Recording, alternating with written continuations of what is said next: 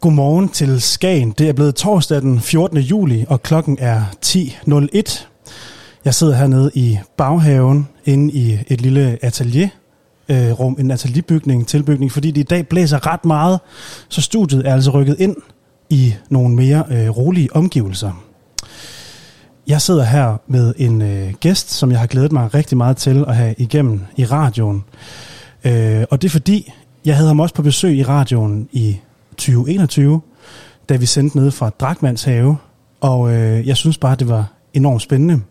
Så jeg har inviteret øh, Kurt Kirkedal, Skagens tidligere borgmester og nuværende medlem af kommunalbestyrelsen i Frederikshavn Kommune, tilbage her i radioen.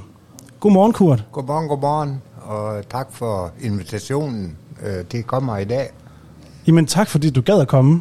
Bestemt. Det, har, det ligner jo ikke rigtigt, at det har været nogen meget, meget nem tur herover for dig, fordi nu er det her ganske vist radio, men, øh, men øh, jeg kan alligevel sige til lytterne, at du sidder altså med en stor krave på. ja. Altså et, et øh, aggregat af en anden dimension, vil jeg sige. Hvad, vil du ikke fortælle, hvad der er sket? Der er måske nogen, der har set, der er blevet bekymret. Ja, jamen, altså, jeg var så uheldig at falde over en øh, parasolfod og slå hovedet ned i jorden. Og det betød, at jeg fik et brud på en halsvivl, som gør, at jeg skal gå med den her krav. Men det går fint sammen, og øh, det hele er styr på. Det er bare lidt øh, underligt at gå sådan. Men, men, Ja. men øh, jeg har det godt. Og kan vi regne med, hvad du siger? Du er ikke hæftet ja, medicineret på morfin eller et eller andet? Nej, det er jeg ikke. Det Du er eneste, selv. det eneste, jeg får, det er panodil, og så... så jeg tror ikke, der er noget. Okay, det synes jeg alligevel også er meget vildt. Ikke? Det er Jo, jo. rådet fra lægen. Selv med brækket nakke. Bare tag nogle panodiler, så Ja, det ja, ja, ja, jeg skulle også have lidt stærkere, men øh, Okay.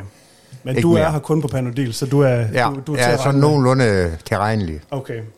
Øh, og jeg har jo inviteret dig ind i radioen her til morgen for at være min morgen øh, medvært. Ja. Øh, fordi at jeg godt kunne tænke mig at vende, øh, at vende nogle af de udfordringer, som du ser Skagen står overfor. Mm. Øh, og øh, fordi du jo har arbejdet med politik i mange år i Skagen, måske kan du også komme med nogle bud på, hvordan du mener, man kunne løse nogle af de her mm. øh, problemer. Øhm, men inden vi når så langt, så synes jeg bare lige, at vi skal alle sammen starte morgenen med et øh, stykke musik. Øh, I går var der en helt vidunderlig koncert her i øh, baghaven. Og så lagde jeg mærke til, at ham, der spillede bas på scenen med i KKO's band, ham havde jeg set før i en anden konstellation. Nemlig i den konstellation, der hedder Bremer McCoy, som er en lille jazzduo, som jeg synes er meget vidunderlig. Øh, så jeg synes, vi skal høre et nummer af Bremer McCoy nu, og så taler vi med Kurt Kirkedal om stort og småt i Skagen, lige efter det nummer.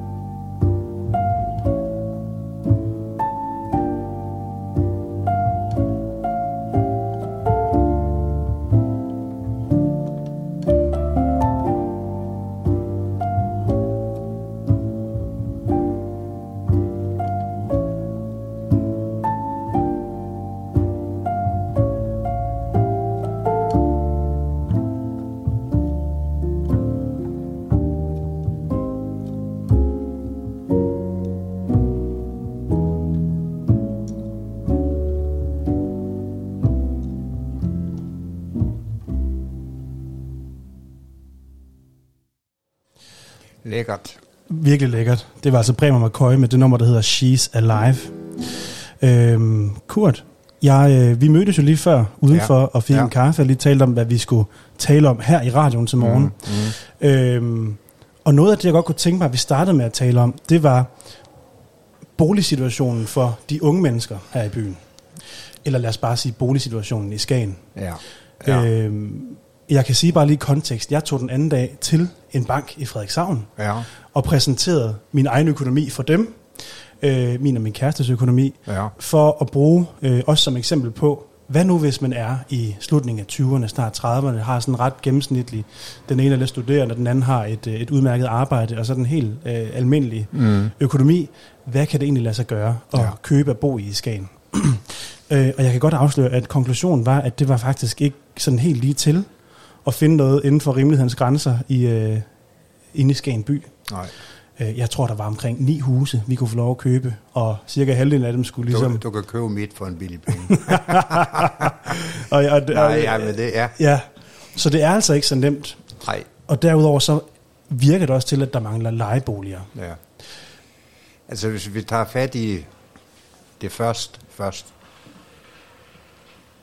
Altså igen mange år øh, har vi jo set, at øh, folk udefra har, har opkøbt øh, bolig til øh, som deres anden bolig og kommet herop, og, og igen mange år var det jo en fantastisk situation, fordi de opkøbte de gamle huse og restaurerede dem og førte dem tilbage til den oprindelige stil og bevarede hele den der øh, bygningskultur, som jo er en vigtig del af Skagen også.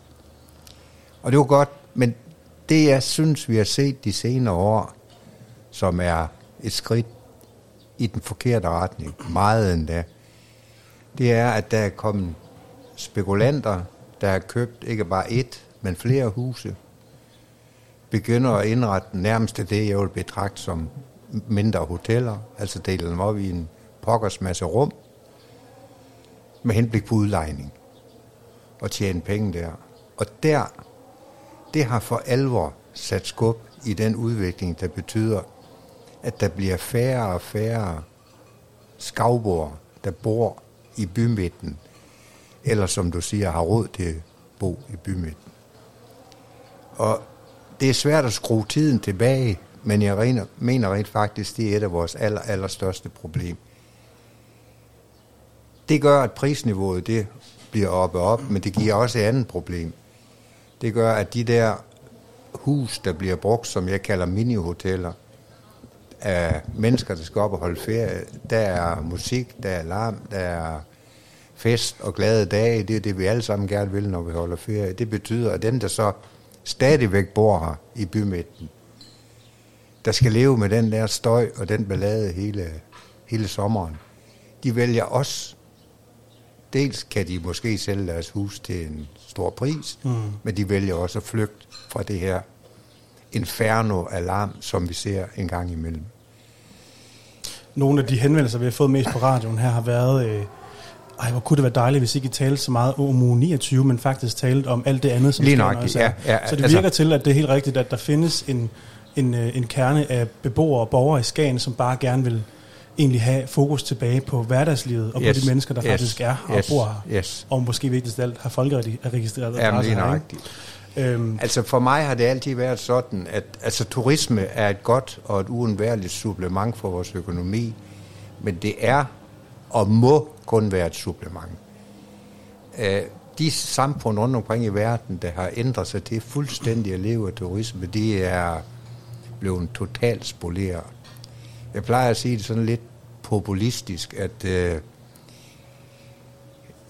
Skagen, der skal det stadig være sådan, du kan skvatte over en travl, altså falde over en travl, uden kom så galt. Uden så bare, ja, ja, ja, helt sikkert. Og få en mågeklat i nakken. altså, og det forstås på den måde. Det levende samfund, havnen, fiskeriet, værfte, øh, følgeindustri og alle de der ting, det er det, der skulle være Skagen. Og så vil vi meget gerne have gæster, der kommer op og ser de vilkår, vi lever under hele året op, og øh, den kultur og kulturhistorie, vi har. Men, men det er ligesom, der er ved at ske et, ske et skred, og det er jeg meget bekymret for. Ja.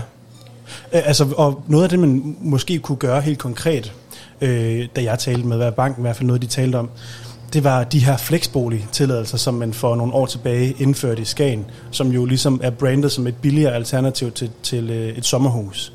Altså at man kan købe mange af de smukke gule huse her i centrum af Skagen, have dem som flexbolig, have sin folkeregisteradresse måske i, det ved jeg ikke, måske i Holte eller et andet sted, øh, nord for København, kunne man forestille sig. Og så, øh, og så lade husene stå tomme, men bruge dem i nogle måneder om året.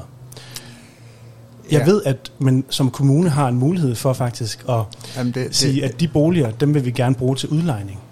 det, det, ja, det er jo ikke helt... Altså en forudsætning for, at du kan gribe ind i det, vi snakker om nu, nemlig den private og frie ejendomsret. Mm. En forudsætning, det er, at du har boligmangel i kommunen som helhed. Mm. Og det har vi ikke. Altså, der er masser af muligheder for at lege eller købe hus. Måske ikke lige i centrum af Skagen, men i kommunen som helhed. Så kan du ikke gå ind at tvinge nogen. Hvis du, hvis du indfører, så skal du have et huslejenævn, du skal have boligreguleringsnævn øh, nævn og så videre. Øh, og så skal du kunne sætte folk ind og tvinge øh, dem til at, at lege ud til nogen. Men hvis du har alternativer, og tit og ofte, så er det også sådan, når vi gør det, så er det nogen, øh, nogen der er, øh, har behov for hjælp på en eller anden måde, så kommer kommunen til at betale huslejen. Og det er huslejenævnen, der skal fastlægge huslejen i forhold til boligens standard, boligpriser i området osv. osv. Men så det er, ikke den, det er ikke den vej, vi, den vej kan vi desværre ikke gå. Der, Okay. der er ikke, men der hvor vi kan gå, det er, efter min overbevisning, så er det ulovligt at lege, eller eje så mange boliger, som nogen gør, Mm. og dele dem op og bruge dem som udlejning, og på den måde øh, tømme muligheden for en almindelig skavbo at bo inde i bymidten. Der mener vi har muligheden for at gå ind og gribe ind. Men det er svært, fordi man har stiltigende, i hvert fald har man gennem årene accepteret det, og begyndt at tvinge folk til at sælge de her hus. Øh, og, og det bliver et juridisk slagsmål af dimensioner. Mm. Jeg mener rent faktisk, at vi er nødt til at tage den kamp Mm. på et tidspunkt. Men der er i hvert fald noget, man kan gøre inden for de nuværende øh, Ja, ja. rammer og regler, som, ja, øh, ja, ja. som omfatter boligmarkedet.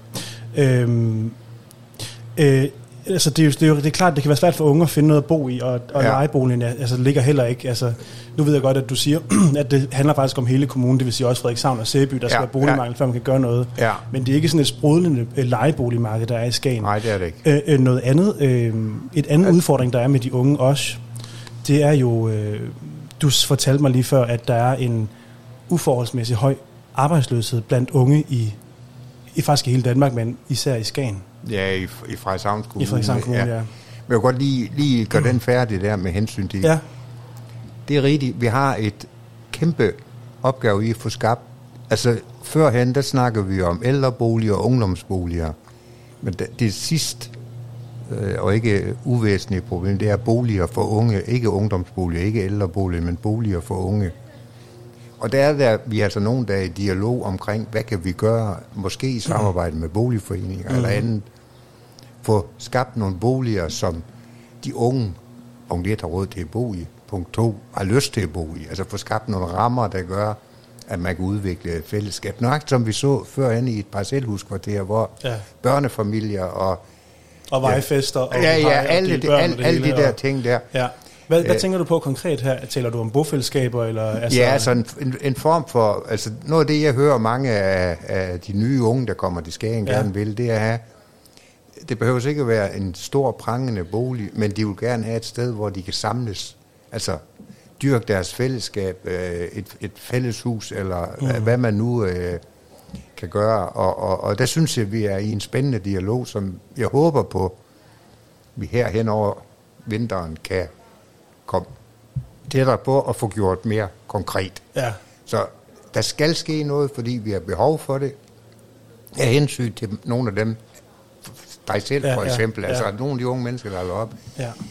Vi får skabt noget, der er interessant nok for dem til at, at, at, at bo i, men også, og ikke mindst, har råd til at bo i. Klart. Jamen, jeg kom bare lige til at tænke på øh, faktisk lige en enkelt sag, bare lige, øh, Ja, der drejer ja, om som ja, det her ja. med, med, med hverdagsliv og skavbord og Ja, turisme ja, og sådan noget, ja. som jeg også tror, du har beskæftiget dig med, fordi jeg var oppe på Erantisvej den anden dag, Ja. og der har Fjordline, altså det meget store rederi, købt nogle huse, som de vil rive ned og bygge et hotel. Ja, Men de har bare lovet de beboere på den vej, at det ville være sket for to år siden. lige nøjagtigt. Øh, og det blokerer nu for, at folk kan få solgt deres huse, og yes, de sidder der og kan ikke yes, komme af med det. Yes, yes. Øhm, og det er bare endnu måske et eksempel på, at turisme, at turismen kan trumfe de mennesker, der faktisk bor her. Ja. Jeg har forsøgt at få Fjordline til at stille op til interview nogle gange, men de okay. vil ikke tale med mig. Nej, altså jeg, jeg er også blevet gjort opmærksom på det problem, og har også snakket med nogle af de beboere der. Ja. Og øh, lige her inden øh, sommer kontaktede jeg kommunaldirektøren og bad ham tage fat i Fjordline for at finde ud af, fordi altså jeg kan ikke lave om på, at de har fået tilladelse til at købe det, og der er en lokalplan, der giver mulighed for et hotel. Men jeg kan forlange, at hvis man køber det, så skal man ikke lade det stå for fald, så de stakkels naboer, de er nødt til, og ja, de kan faktisk ikke, altså den ene, hun skrædende sagde til mig, ved jeg kan ikke sælge mit hus, fordi der er ikke nogen, der vil bo ved siden af en, en, en losseplads og, og øh, hus, der står i forfald og så videre. Så den har jeg pusset kommunaldirektøren på, og håber, at Fjordlejen kommer ud af busken og siger, vil vi det her, eller vil vi det ikke? Vil vi det? Hvornår vil I det? Og hvis ikke I vil nu, så skal I i hvert fald i det mindste mm. vedligeholde det, I har købt, således at folk de ikke bliver skræmt væk og ikke kan, kan, kan sælge der, hvor de bor. Så den er, den er, Den er, den er under opsejling. Den, ja, øh, den er i hvert fald taget fat i, Ja. og, og den bliver også fuldt op fra min side, fordi det her, det kan vi ikke, det kan vi ikke leve med. Okay. Øh, Kurt, jeg synes, at vi skal høre et stykke musik, og så tale øh, Om de videre unge. om, øh, om de unge og Ja, nogle af, ja. af udfordringerne i Skagen. Her kommer The Velvet Underground med Sunday Morning.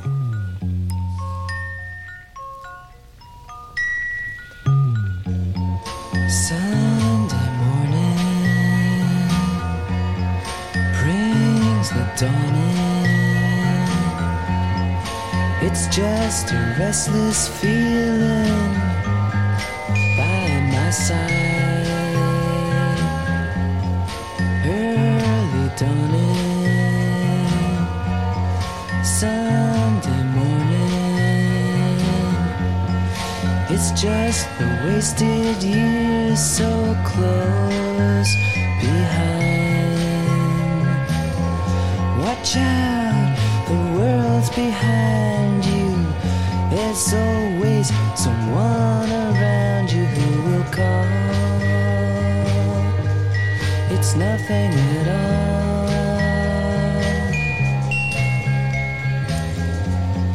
Sunday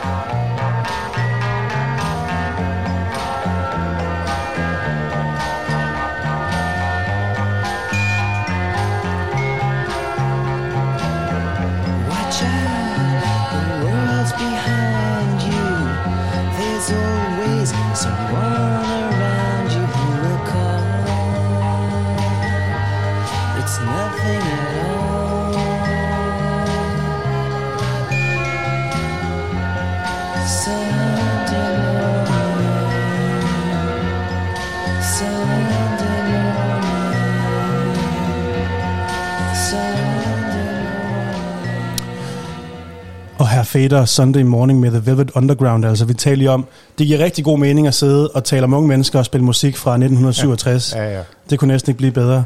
Og det er stadigvæk øh, Kurt Kirkedal, øh, medlem af kommunalbestyrelsen i Frederikshavn Kommune og tidligere borgmester, jeg har besøg af her i Radio på Toppen 88,2 FM.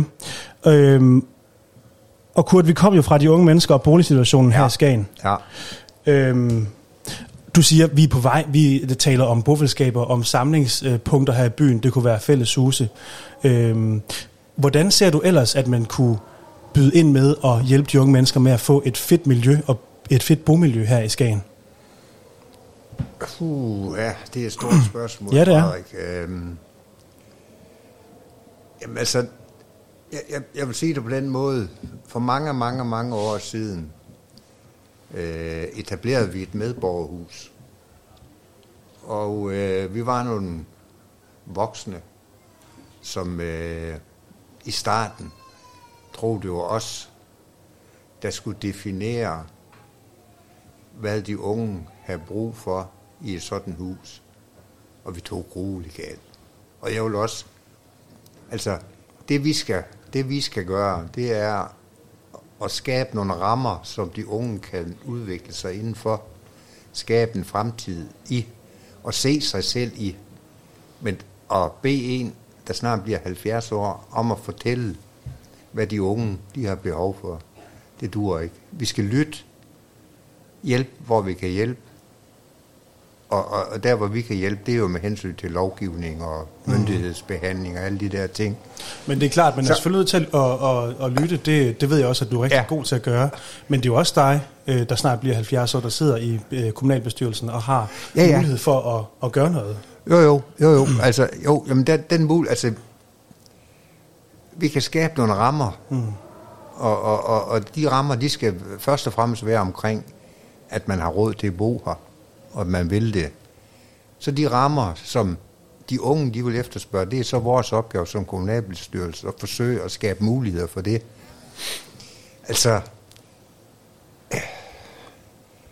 det, det, der hvor jeg fornemmer øh, unge mennesker i dag, det er jo, at øh, de er meget optaget af natur, fællesskab, samhørighed. Og, og, og de ting der, der kan, kan vi det mest, men vi kan ikke det hele. Mm. Og der skal vi så være med til at skabe, øh, skabe rammerne. Men, men der hvor jeg også, vi skal også passe på, at det ikke bliver dem og os. Mm. Altså, øh, vi skal ikke lave en by i byen, eller et miljø øh, uden for det eksisterende miljø, så vi på en eller anden måde skal have det, det etablerede lokalsamfund med ind i de her ting her. Så derfor skal vi tænke os om, når vi finder steder, hvor vi kan bygge. Og, og øh, vi har jo her i, i, i Skagen og i kommunen som helhed, men nu taler jeg primært fra Skagen lige nu, et enormt rigt foreningsliv. Og, og min opfattelse er, at foreningslivet står åbent over for alle dem, der gerne vil. Mm. Så er det så bare de unge, der også gerne skulle ville det. Og, og, og øh, har vi ikke den forening eller den aktivitet, de gerne vil, så kan de hurtigt få den skabt. Altså det der samspil. Jeg synes, der er ikke noget, der er skønnere, end hvis man kommer i en forening og ser, at der kommer nogle nye, unge mennesker, der kan tilføre noget nyt. Mm. Så Nogle nye unge mennesker udefra, ikke? jo, u, Ja. jo, jo, både udefra og også nogle af dem, vi har Ja. ja. i forvejen, og for dem knyttet sammen. Altså, det er jo der, det er jo ja. der tingene er, fordi det er jo ikke meget ved, at der kommer en flok unge mennesker udefra, der lever deres eget liv i vores by, uden at de er en del af byen. Nej, det er klart. Ikke? Altså, det er det der samspil, der er så fans undskyld, øh, som Jamen, det- så, så vigtigt. Du må øh, gerne bande i radioen. Ja, Ja. For, at, at, at vi får det knyttet sammen på en eller anden måde. Ja. Og, og du siger, at altså, et, et rigt foreningsliv er, er rigtig gunstigt for unge mennesker. Men vi kan også komme til det nu med, vi har jo også en stor gruppe unge mennesker, en altså relativt stor gruppe unge mennesker, som er uden for både uddannelsessystemet og arbejdsmarkedet. Ja. Ja. Vi er jo i en situation med fuld beskæftigelse i Danmark lige nu. Alle mulige brancher skriger på arbejdskraft. Yes. Øh, jeg mener, og man må gerne rette mig, hvis jeg siger noget forkert, men jeg tror, at arbejdsløsheden er på omkring 2%, hvilket er nærmest historisk lavt. Mm, meget. Ja. Meget, meget, meget lavt. Øhm, og alligevel så fortalte du mig lige før, at der er øh, næsten 8% af de unge i Frederikshavn Kommune, Ja. som er udenfor. Ja, ja. 7,7 no, november 21. Ja. 7,7 procent af unge mellem 15 og 29 er enten ikke i job eller under uddannelse. Ja. Nogen har en uddannelse, men ikke er i job. Det er for mig at se et seriøst problem. For i november 21 skreg hele Danmark på arbejdskraft, at vi har de 7,7 procent, det svarer til 830 unge mellem 15 og 29, der ikke er en del af fællesskab på den ene eller anden måde. Det synes jeg, at vi har en, en, en kæmpe opgave. Og, og, og vi kan jo gå ind og så begynde at diskutere med os selv og med dem, hvorfor. Altså, der kan jo være mange bevæggrunde til, at man, man, man er udenfor på den ene eller anden måde. Men jeg kan ikke lade være med at stille mig selv det spørgsmål. Har vi, som tidligere LO-formand sagde, vi har sejret af H til. Har vi gjort det i forbindelse med vores øh, velfærdssamfund? Har vi fået skabt nogle muligheder, der gør, at man kan leve et godt liv uden for fællesskab? Det, det, altså, på en eller anden måde er vi nødt til at gå ind og så se og analysere på de her, på de her tal. Høre, hvad, hvad siger de unge til hvorfor? Men hvis det er fordi, vi bare giver dem en cirk i hånden, og siger, værsgo, nu kan du stort set, det ved jeg godt, sådan er det ikke, men pas dig selv, mm. og er det godt med det. Og her taler vi uddannelsesstøtte, vi taler Det, måske det, kan være, det kan være øh, dimitent, det kan være ja, alle former for, for, for offentlige for støtte. ydelser, ja. ja. Vi har opbygget, og det er del med godt, vi har opbygget et system, således der er ingen, der går sultne i seng. Mm. Alle kan klare sig, nogen bedre end andre, men dog har vi bygget op. Men, Og har vi så pacificeret ja. nogen i den sammenhæng? Og det er det, jeg begynder at stille spørgsmål til mig selv omkring. Har vi sejret forkert? Øh, tilbage i min tid som borgmester her i Skagen, der indførte vi i forhold til folk på offentlige ydelser, altså bistandshjælp, det vi kaldte virksomheden Skagen, hvor dem, der var på offentlig ydelse, skulle møde op om morgenen. Vi havde forskellige ting, de blev sat til, for ligesom at sige, jamen det er vigtigt, at de er en del af det, og, og, og, og spørgsmålet om ikke det er sådan noget, vi skal ind på igen. Altså, hvor, hvor øh, der er rettigheder, men der er også pligter. Du får noget, men du skal så også være med til at bidrage. Mm-hmm. Og det her, det er jo ikke et spørgsmål om den debat, der er på højrefløjen om øh, dimittens altså, og flygtningehjælp og mm. SU og alle de der ting, men det er et spørgsmål om, at vi, jeg tror, vi hjælper mange ved at invitere dem med ind og sige, I har altså også en værdi for os. Vi har brug for jer. Vi skal nok hjælpe jer i den her situation, hvor I er udenfor, men I skal med ind og bidrage, mens vi hjælper jer i gang.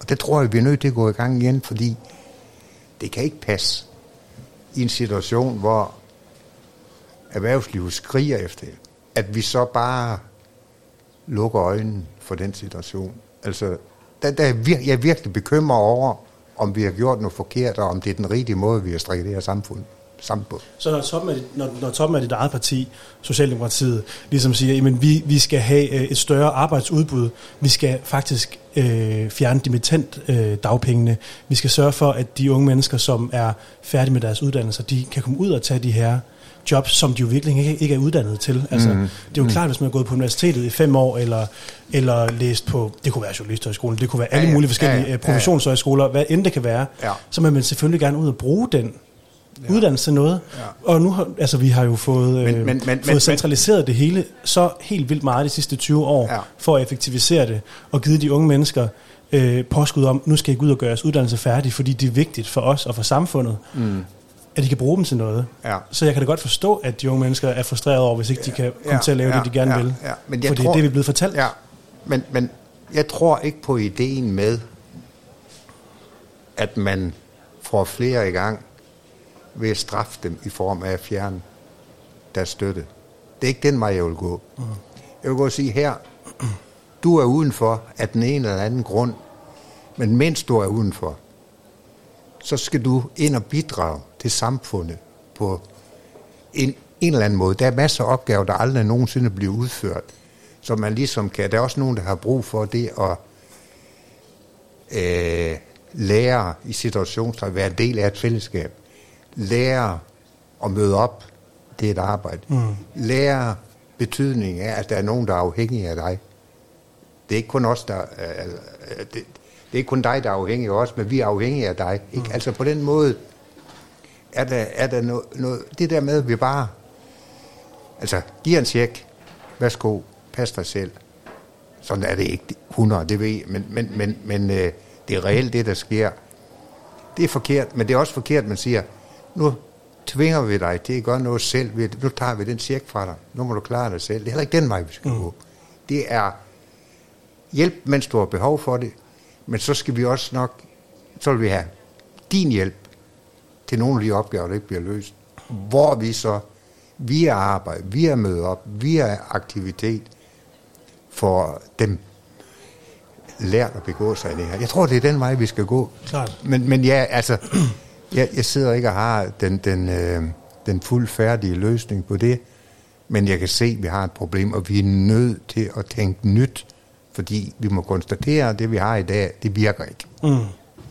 Øhm, vi har ikke så lang tid tilbage, men Nå. der er bare lige en sidste ting, jeg gerne vil nå at runde med dig. Ja. Øhm, jeg har fornemmelsen af, når jeg taler med, øh, med folk og læser om Frederikshavn Kommune og Skagen, at et af de meget store problemer for øh, byen her, og generelt mange små kommuner, er, lige om lidt, så har vi helt vildt mange ældre. Mange flere ældre, end vi har nu. Ikke lige om lidt, vi har det. Ja, om 10 år, ja. Hvis man ser på sådan altså, Ja, ja, ja, slet- ja, ja, øh, ja. fremskrivninger i, Ja. befolkningstilvækst, øh, så har vi 60% flere ældre. Øhm, og hvordan fanden løser man det, Ja, det er godt hvis man sidder heroppe og gerne vil tiltrække unge mennesker, men de har ikke råd til at bo her. Nej. Og de kan jo ikke komme til at få børn, fordi så bliver det først rigtig dyrt. Jeg så jo, da jeg var nede og forlade min egen kreditvurdering. Det er fint nok at komme nu. Jeg, godt, jeg vil godt kunne købe nogle huse her, som det Ja, ja, nu. ja, ja. Hvis jeg havde to børn og to biler med, så var det fuldstændig udelukket, ikke? Mm. Ja. Og det, det, det synes jeg er bekymrende. Altså, det er nok en af vores aller, aller, aller største udfordringer. Det er den der demografiske udvikling, vi ser i vores øh, kommune i øjeblikket. og, og vi kan komme ind på årsagen, det er lige meget. Mm. Det har vi ikke tid til nu. Men vi kan konstatere, øh, sådan er det. Så er der to veje, vi kan gå. Den ene vej, det er, at det vi talte om før, kan vi skabe et miljø, der gør, at der er nogen, der har lyst til at flytte op, og har råd til at flytte op. ikke? Altså det, det er jo ligesom en forudsætning for, at vi kan få nogen til at tage sig af. Mm. Det gamle. En anden ting, vi også nok er nødt til at, at gå ind, og nu, kommer vi, nu bevæger vi os ind på noget, som er kan være kontroversielt. Der er altså nogen af de her ældre, der flytter herop og vil have deres otium op, der har rigelig råd til selv at betale for den service, som, som de har behov for. Skal vi ind og, og, og, og differentiere, hvor skal det offentlige træde og hvor skal man selv kunne klare sig. Og så har vi jo, øh, øh, vores borg, borgmester var jo ude med, med, Ja. med, med omkring øh, frivillighed. Og, og, og, og ja, det skal vi også, fordi vi som pårørende skal selvfølgelig hjælpe vores ældre, hvis vi er heroppe, men der er så mange, der ikke har noget pårørende op, der bor her alene, så frivillighed øh, vil gør det, gør det ikke alene. Så vi er nødt til at, at altså, jeg ved godt, at, at, at det, det er ikke sjovt, men vi har jo også der en teknologisk udvikling, der gør, at der er nogle robotter og andet, mm. der kan klare nogle ting.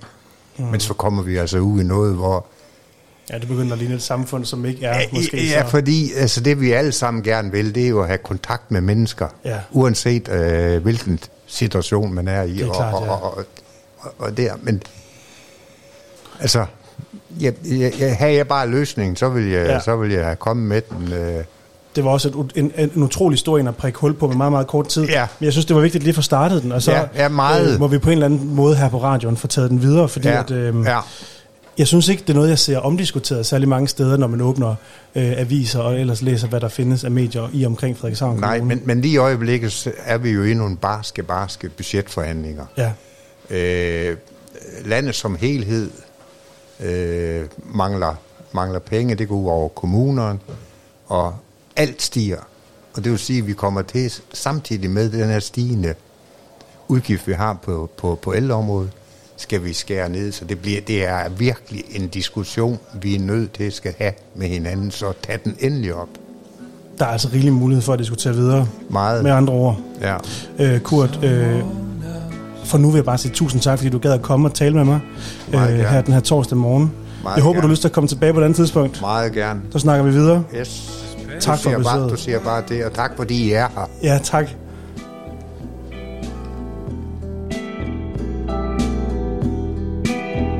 someone else.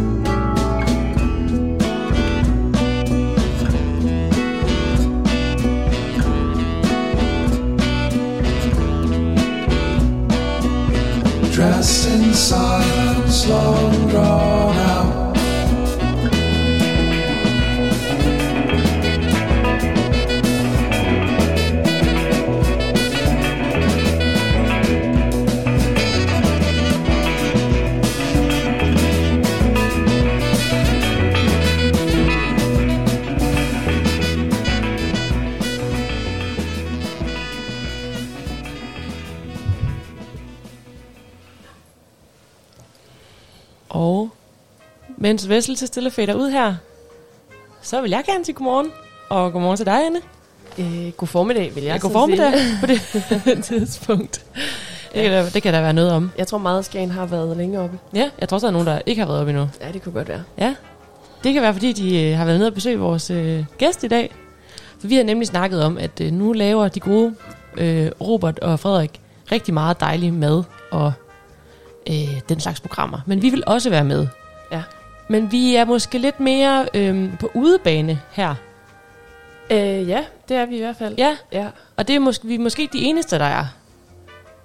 Nej, det må man jo gå ud Så fra, at der må så- være nogen, der er Ja. ligesom os. Præcis. Så derfor så har vi allieret os med, med Christian Andersen fra Skagen Rooftop. God formiddag, Christian. God formiddag. Dejligt, du vil komme. Tak fordi jeg må komme. Og vil du ikke fortælle lidt om, hvad det er, du laver her i Skagen? Jeg flyttede til Skagen sidste år. Jeg flyttede sammen med min kæreste, der hedder Hanne. Hun er keramiker. HMK Skagen på Neder Mosevej. skønt sted. Uh, jeg har boet i, i øh, København i 30 år på det tidspunkt. Uddannet journalist og med speciale i øh, sundhedsvæsenet og i øl, men det kommer vi måske ind på lidt senere. Ja. Men jeg flyttede som sagt til Skagen september sidste år, og øh, jeg er freelance øh, journalist.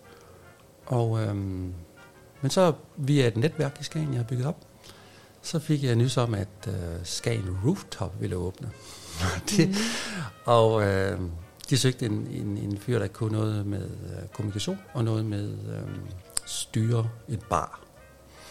Øh, det ved jeg ikke, om jeg kan, men jeg gør alt, hvad jeg kan for at gøre det. Og jeg synes, det er super sjovt.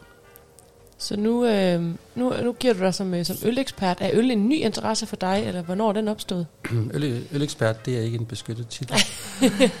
så den tager jeg, og det har jeg taget på mig, fordi jeg i 20 år, cirka 20 år, Mm. har kommunikeret professionelt om øl. Startede som anmelder på Jyllandsposten. Jeg har også en blog i tre år på Jyllandsposten. Den blev nedlagt sammen med alle de andre sjove blogs, altså med gastronomi og vin og alt Ja. det der, ikke? Øh, men tre år kun om øl. Eller skal vi kalde det craft beer. Mm. Øhm, det kan ølnørderne godt lide at kalde øl i hvert fald craft beer, for det er jo bedre end industriøl, ikke? Det lyder fancy, og Det kan vi komme ind på, at der behøver ikke at være forskel der. Øhm, så har jeg lavet bøger om øl. Øhm, den mest interessante er nok den, der hedder Den Nøgne Øl, Ja. som er en grundbog om pilsneren, verdens mest udbredte øltype. Mm. Der er cirka 100 øltyper i verden, og pilsneren øh, bliver solgt i 90 procent af al øl, der bliver solgt i verden, det er pilsner, eller pilsner-lignende øl, og det kan vi også komme ind på. Øh, den er ikke specielt nørdet på, men den er også til nørder. er det sådan en, man kan, hvis nu for eksempel som mig øh, godt kan lide øl, men, men gerne vil måske drikke noget, der er lidt... Øh, er lidt, hvad kan man sige, en anden kvalitet, men ikke helt ved, hvor jeg skal starte, men gerne vil have en grundforståelse af, hvad en god pilsner er, så det ikke bare bliver den, den billigste fra Netto. Er det så sådan en, jeg kan starte på? Ja, og du, du kan starte mange steder i bogen. Altså, der er interviews med verdens bedste, eller efter min vurdering, nogle af verdens bedste øh, bryggere Mm. mm. til pilsner. Og øh, jeg har været på rejse i USA for at finde de her bryggere. Jeg har været i Tjekkiet og i Tyskland. Det er de tre steder, der laver de bedste pilsner. Mm. Og øh, der kan man plukke i bogen lige som man vil. Og det er også en slags rejseguide. Og det er også en slags, der er også opskrifter i bogen og alt muligt. Så man kan bladre, det er sådan en, en coffee table-agtig, eller hvad skal man sige, beer table-agtig. Den behøver ikke læses fra, fra top til bund. Man Nej, kan sådan, øh, det tror jeg faktisk ikke, der er nogen, der har gjort det. Jeg, jeg vil lige ved at sige, at jeg heller ikke selv gjort. det må man jo på et eller andet tidspunkt, eller nogen andre har. Og så er jeg ved at skrive en ny bog Ja. om den danske ølrevolution. Man kalder det revolution. Det var fordi, for 20 år siden fandtes der nærmest kun pilsner på markedet, og pilsner lignende produkter. Mm.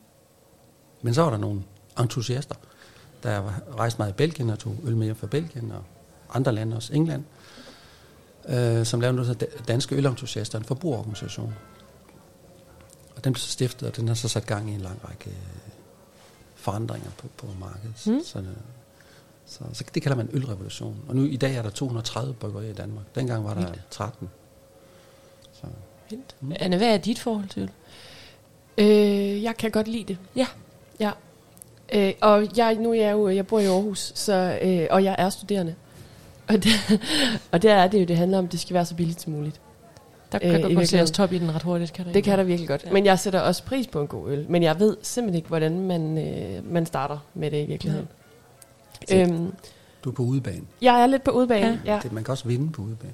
Ja, det, det, det er jo nemlig det, man kan. Og det, kan, det er godt, at, og det er selvudviklende at være på ude med udebane en gang imellem, tror jeg. ja. Det, Det, kan- jeg, jeg går ind til det med et åbent sind. det kan Absolut. jeg, jeg kan lægge mig sådan lidt øh, øh, gyldent imellem jer to, fordi jeg har, jeg har alligevel lidt... Altså, er jo vokset op med en far, der var ret glad for, for specialøl, og har boet, øh, hvad der føltes som en stenkast fra Støkårs Bryghus i Aalborg, og drukket øl derinde fra sådan noget. Så jeg har lidt, lidt, meget lidt erfaring med det, og så arbejder jeg også til tider i en, i en bar, der har noget craft beer. Men, øh, men jeg ved ikke ret meget om det. Jeg plejer bare at lange dem over disken. Men du har taget nogle øl med i dag. Ja, Ja, vi forsøger at lave sådan et, eller jeg forsøger at lave sådan et komplet øh, udbud af øl ja. på baren, og det vil sige, at vi har dem, som folk, øh, som folk er flest har lyst til at drikke. Det er de øh, øl fra Carlsberg. Mm. Det er deres Pilsner, Classic og Grimbergen og Kronenbourg Blanc. Og et par, par andre. Og så laver jeg et alternativt øh, menu på, med Ja. craft beer. Der Til dem, der er lidt mere øh, eventyrlystne. Ja, det kan man sige. Ja. Jeg er nysgerrig på den gode øl. Øh, og jeg synes, kan du ikke, øh, skal vi ikke bare i gang med at smage, Jo, lad os øh, det. smage Hvor skal dem? vi starte henne? Så foreslår jeg da, at vi tager en pilsner. Ja, lad os da gøre det. Men ikke hvilken som helst pilsner. Nej. Det er en pilsner, der hedder Tipo Pils fra... Ja, det var ud- udtalt med tysk Det er accent. Den er italiensk. Hvordan lyder det så? Det ved jeg ikke. Nej. Men jeg har øvet mig i at udtale bryggeriets navn. Mm. Beneficio Italiano. Wow. Beneficio Italiano. Mm. Øh, fra, ligger tæt på Komosøen i Ja, den nordlige del. dejligt sted. Og nu åbner jeg den, eller prøver på at åbne den. Ja, sådan du går godt op til mikrofonen, kan du ikke? Den har sådan Ej. noget. Uh, ja. Det er godt. Du fik, du fik det. Og den blev udviklet i 1998. Mm. Og det lyder sådan lidt, øh, måske for enkelt at sige det. Men det blev en revolution. Eller er blevet en revolution inden for craft beer. Nu hælder jeg lige lidt op til jer. Bare lige sådan nogle små hapser her. Øhm, Det lyder bare... fordi øh, ølrevolutionen startede ligesom der for de der 20 år siden i Danmark og for, for 40 år siden i øh, USA. Øh, og det er i USA alle tendenser, de kommer fra. Det startede med, hvad som kaldte, nu siger det sådan lidt meget forenklet, øhm, startede med ekstrem øl, altså stærk øl, bitre Ja. Øl, mærkelig øl, øhm, udrikkelig øl. Det må I ikke citere mig for. Mm, øhm, men den har en revolution har jo også en udviklingsfase, altså en evolution. Hedder det ikke det? Jo. Jo. Jo. Det lyder i hvert fald fedt, Yes, ikke? Ja, det det, lyder ja, rigtigt. revolution er evolution. Det lyder fedt, ikke? Jo. Ja. Og øh, vi, den er kommet dertil, at øh, den er kommet tilbage til de nøgne øl, altså de enkle øl, Mm. de velbryggede øl, og de svære øl at brygge. Det her det er noget af det sværeste at brygge godt. Det var ustyrligt godt. Skal vi prøve at øh, tage en duft Ja. af den her, og smage på den her Tipo Pils? Hov, der var det det en, øh, tyske accent igen.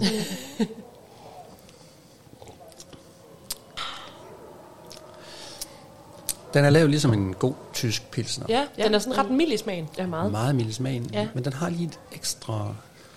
Altså nu bliver det lidt svært at forklare, fordi det kræver selvfølgelig, at man har drukket ret mange pilsner, eller mange, og mange gode pilsner, og mange gode Vi øl. prøver at hænge i. Det er godt.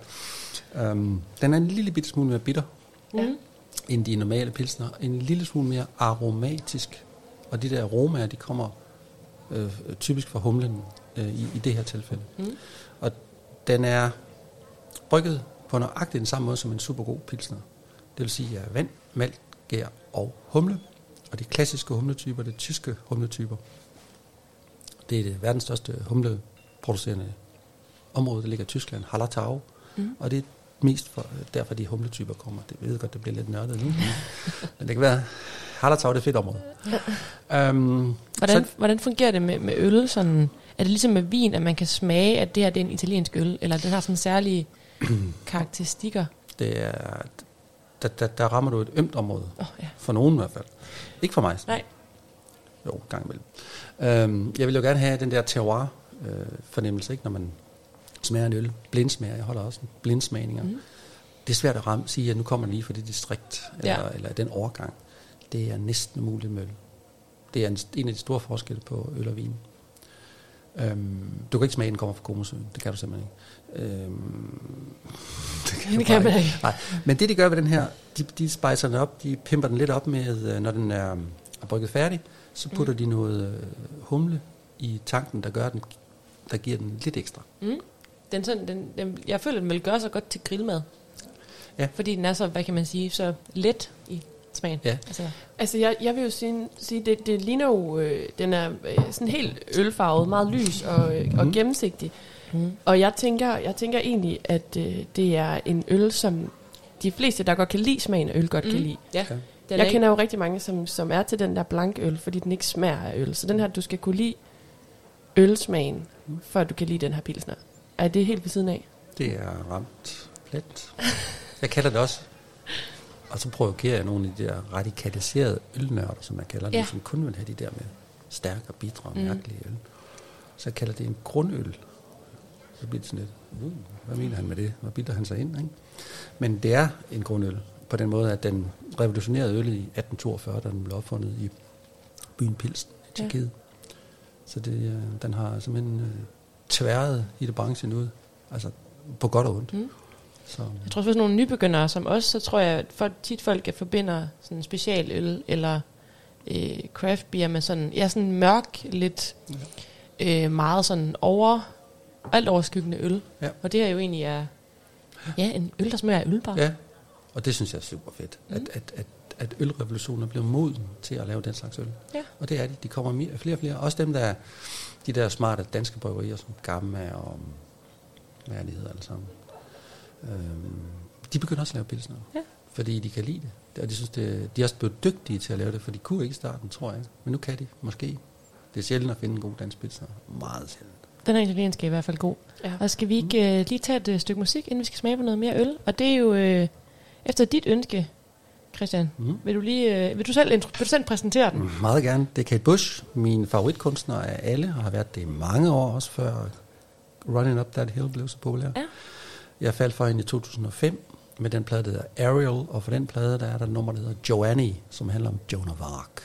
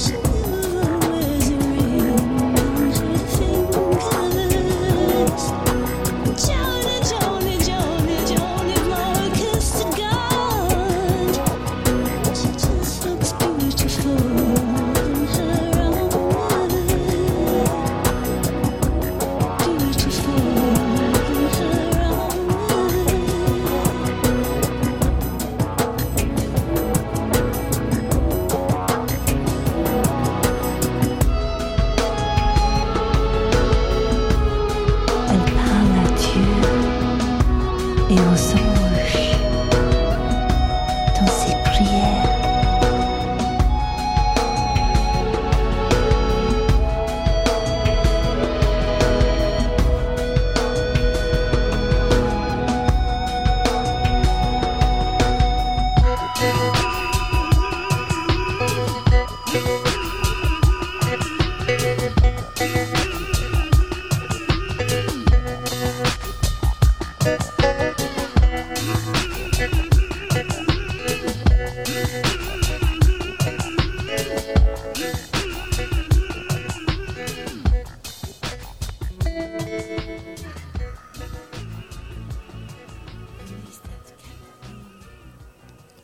Kate Bush lige stille øh, fader ud her i baggrunden, så tror jeg simpelthen, jeg har lyst til mere øl. Hvem der er, Anne? Jamen, jeg er helt enig. Nu er vi varme. Altså nu har vi ligesom sådan... Øh, nu er smagen af tandpasta ude af erstattet af smagen af øl. Nu er vi klar. Og, og, og klokken nærmer sig 11, Ja. så nu er det jo faktisk ved at være lovligt. det er faktisk Det er vi næsten, har gang i. næsten påkrævet. Ja. Hvor skal vi hen nu, Christian? Vi er heldige, jeg har to mere øl med. Ja, det er godt. Og nu skal vi have en, der absolut ikke smager øl. Spændende. Ja, Hvad smager den så af? ja. Det vil jeg da egentlig godt have jeres bud på. Ja. Og så vil vi bare skyde løs, og så skal jeg fortælle jer. dejligt. Ja, den kommer fra øhm, Estland. Okay. Ja. Fra et bryggeri, der hedder Pyhest. øh. Og Ui. du sprøjter den. Øhm, Det var en dåseøl jo. Det var en Ja. ja. dåseøl, ja. Altså det eneste, jeg kan se fra herfra, det er, at der er en badeand på siden. ja og, den Så jeg er intrigued. og den kun 4 procent. Okay. Det er jo nærmest saftevand. Ja, ikke et dårligt bud. Skal vi prøve at smage på den først, og så komme Ja, det synes jeg. Altså, jeg synes, det- Det, ligner- dufter, det ligner saftevand. Nej, det ligner sådan noget æblemost. Det måske, dufter eller appelsinjuice. Det dufter til det.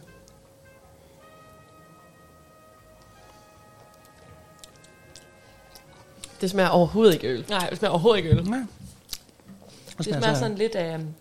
Altså, et- godt, men sådan lidt af, af fermenteret appelsinjuice. Apsi. Appelsin? Mm, Ja, ikke? Mm, en eller anden citrusfrugt i hvert fald. Ja. Jeg vil også sige appelsin. Ja. Men du skal. Jeg, jeg, du, kan- jeg kunne også godt overtale til sådan noget blodappelsin eller greb, for den er også lidt bitter. Enig. Den er med øhm, saft fra, øhm, fra aprikoser mm. og appelsiner og mango. Og Det mango. er simpelthen proppet i. Mango, det kan nu du siger Det er det. nok mangoen, men måske kommer lidt med sådan lidt bitter tone. Ja. Måske. Ej, hvor smager den godt. Altså nej, fordi her vil jeg så sige, og det er jo også, fordi jeg ikke ved noget om øl overhovedet, men hvis jeg fik den her, bestilt den, så ville jeg nok blive skuffet, hvis jeg havde bestemt mig for, at jeg ville have en øl. Ja. Altså, det smager virkelig godt, men det smager jo på ingen måde af øl. Hvordan laver man sådan en her øl, Christian? Det, du, du laver det med ustyrlige mængder af, øhm, af humle. Altså, jeg talte med en brygger, han siger, at der er op til 30-40 gange mere humle i sådan en øl her, end i en uh, pilsen, som vi drak først. Uh, og det gør, at den bliver ekstremt aromatisk. Mm. Og fordi humle findes jo i en lang række typer, og nogle giver sådan en smag, citrusagtig smag, hø smag, græs, så er der andre, der giver meget smag af eksotiske frugter. Og hvis du putter de der humletyper med eksotiske frugter, bare banker ned i sådan en øl her, så kommer der, kan, kan der komme noget i den stil fra. Hvad, gør det noget, at den er på dåse? Nej, Nej. tværtimod. Nej. Dåser er bedre end flasker. Okay, hvorfor Fordi, det? Fordi den er bedre til at beskytte øh, sollyset. Og sollyset, det har sådan en kemisk reaktion, der gør, Ja. at øl kommer til at smage af sådan lidt, øh, mm, sådan lidt fladt og kedeligt. Den smager skide godt. Er det en dyr øl? Mm, jeg tror, de fleste vil sige, at den er dyr. Ja. Men, øh, Det her det er heller ikke sådan en, man drikker otte af, tænker jeg. Det er sådan en, man drikker en af og virkelig nyder. ja.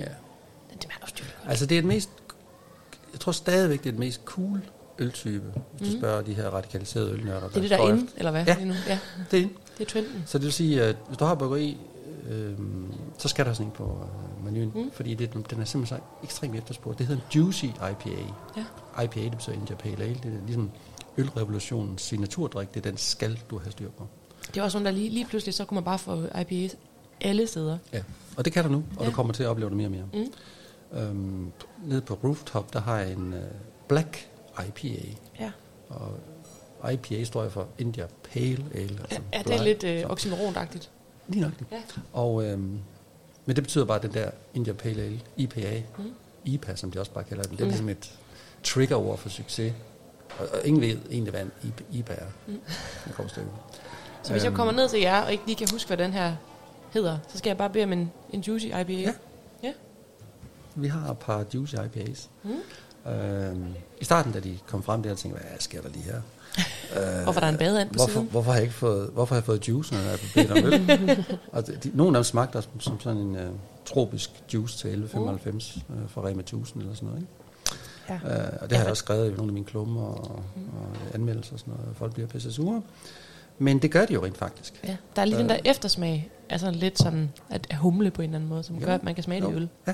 Synes jeg. Ja, og så er det, det så er det bliver interessante, hvor man kan fange det her grundøl, eller mm. de humle, grund, grundhumle, kan man sige. Ja. Det synes jeg måske ikke, at man kan så meget her, men også dog altså. Ja, men bottom line, jeg kan lide den. Jeg synes, den er super godt. Mm. Også mig. Æh, indtil videre, er du så mest til den første, eller til den her? Helt klart nummer et. Ja.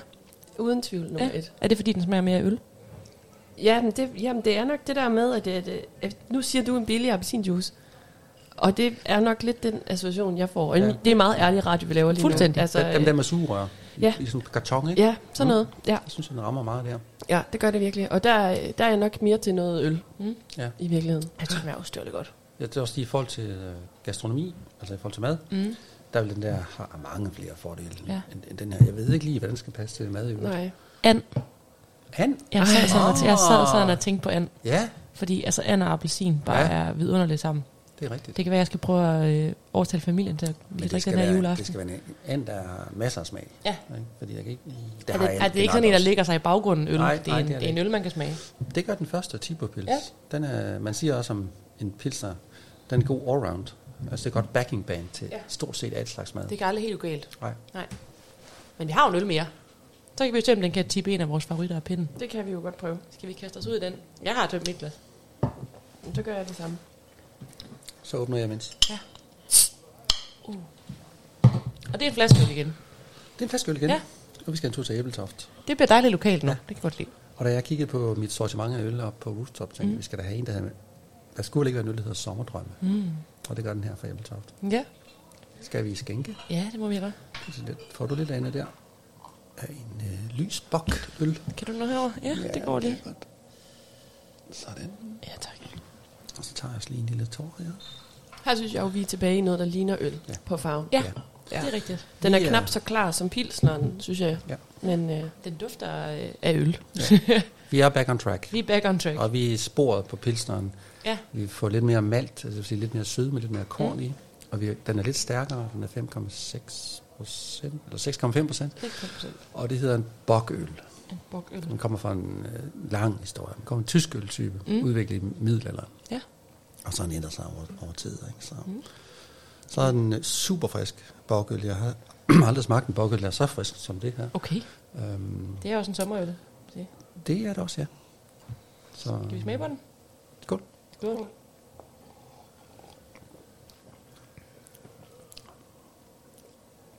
Jeg kan mærke, at jeg skal lige have smagen af appelsin ud af munden. Inden jeg kan smage, jeg kan smage noget meget andet. mm, altså, den er, jeg synes, den er mere mild Mm. øh, i Spanien Mm. end pilsneren. Øh, så ja, i virkeligheden synes jeg måske, det er lidt en mellemting af de to. Mm. Øh, Jeg synes mere, at den har det mere den der ølfornemmelse, i, hvis det giver mening. Altså sådan, den, den har den der sådan... Det er måske det malt der, det ved jeg ikke, den føles mere sådan som øl i munden, Ja. end den første gjorde. Synes jeg. Den, fyld, den fylder også mere i Ja, munden. Altså, det gør der, det, det. Man taler om mundfølelse. Mm. Øhm, og der fylder den mere i munden. Mm. Dels fordi den, den har mere at komme med rent øh, produktionsmæssigt. Der er simpelthen mere malt i og mere humle i.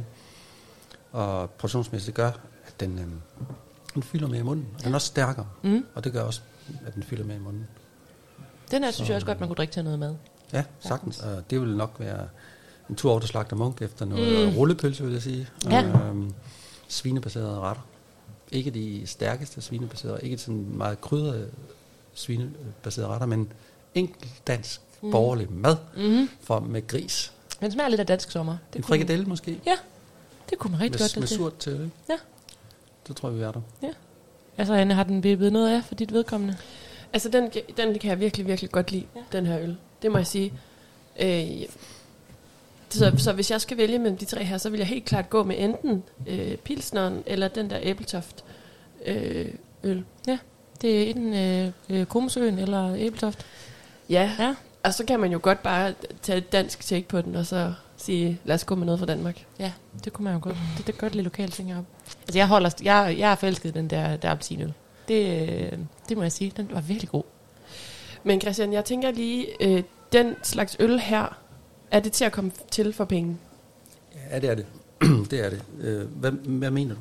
Altså, jeg tænker bare, nu, nu snakkede du lidt om den Ja. ja. her øl på dåse, at Ja. ja. det var lidt svært at lige at støve frem og sådan noget. Oh, det er det så. Øh, den her, hvis du skal købe på så tror jeg, den koster 35 kroner. Og det er æbletoføl. Ja, det er æbletøften. Ja. Den tror jeg måske, man kan få i Saling. ja. ja. Det synes jeg, jeg har en fornemmelse af. Og Tiberpils, der skal nok op i 40-45 kroner. Ja. Mm. Den her, det er fordi, den er fra Estland, så tror jeg, den er endnu billigere. Jeg tror, den koster 35. Nå, okay. Det er jo fint. Så. Ja. Selvfølgelig er de meget, meget dyrere end en industripils, som du flår ned fra hylden i Føtex. Men Ja. Hvis man nu ikke lige er i nærheden af Skagen Rooftop, ja. Skal man så i en, i en ølforretning, eller hvordan? der findes rigtig mange butikker på nettet Mm, efterhånden. ja. Uh, her i Nordland er der ikke nogen butikker udover i Strandby, mm. Best of Beers, og så er der i Aalborg. Ja. Men ellers er det nettet. Ja. Uh, Nu er jeg glad for, at jeg bor i Aalborg lige nu. det er også derfor, jeg så en, kan man sige, et, et, et, et hul Ja. heroppe i markedet med, Mm. lad os da satse på noget craft beer, fordi det er et, øh, et, en kategori, der rykker igennem for tiden. Ja. Ja. Og den kan matche vin efter min bedste vurdering på alle parametre. Alle parametre. Ja. ja. Jeg, jeg synes allerede, jeg er blevet meget klogere. Hvad tænker du, Anne? Helt sikkert. Men jeg synes også måske, det øh, i dag har lært mig, at jeg bare skal prøve at springe ud i lidt noget andet, Mm. I stedet for altid at gå med det samme. Ja. Når man er dernede. Og hvis man sidder derhjemme og har fået lidt samme øh, lyst til at kaste sig ud i det, så gå der ned på rooftop og få noget køndig øh, vejledning og noget, øh, nogle gode anbefalinger, Ja. tænker jeg. Og så synes jeg, vi øh, vores tid er ved at løbe fra os. Ja. Så jeg synes bare, at vi skal sige uh, tusind tak til, til Christian. Tak og, fordi jeg og, måtte komme. øh, jamen selvfølgelig. Og tak fordi du vil komme og tage øl med til os her på den her øh, dejlige formiddag. Og hvis man er nysgerrig, ja, så gå ned på rooftop og få en snak med Christian, eller køb hans bog, Den Nøgne Øl. Lær lidt mere om det. Jeg er i hvert fald glad for, at vi gjorde det. Jeg synes også, det var lidt intimiderende. Men det var den helt til at gå til, Ja. da vi først kom i gang med det. Ja. Og så synes jeg, at vi skal slutte den her lille øh, øl-seance med et nummer med Louis Capaldi, der hedder Grace. I can't seem to drown you out long enough. I fell victim to the sound of your love. Like a song that I ain't ready to stop. I got nothing but you on my mind. I'm not ready to be just another of your mistakes. Don't wanna let the pieces fall out of place. I was only just a breath removed from going to waste. Till I found salvation in the form of your, your grace, your grace, your grace. Don't take it away, your grace, your grace, your grace. Don't take it away. On the verge of almost bleeding you out. Are we too wounded now to ever come down? Oh, how I long for us to find common ground. I got nothing but you on my mind. I'm not ready to be just another of your mistakes. Don't wanna let the pieces fall out of place. I was only just a breath removed from going to. Till I found salvation in the form of your, your grace, your grace, your grace.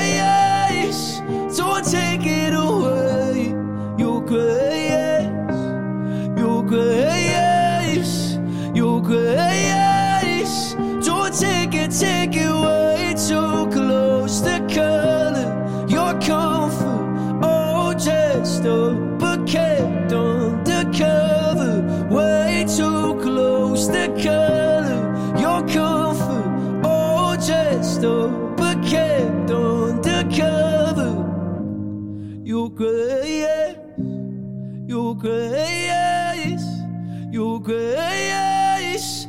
Don't take it away.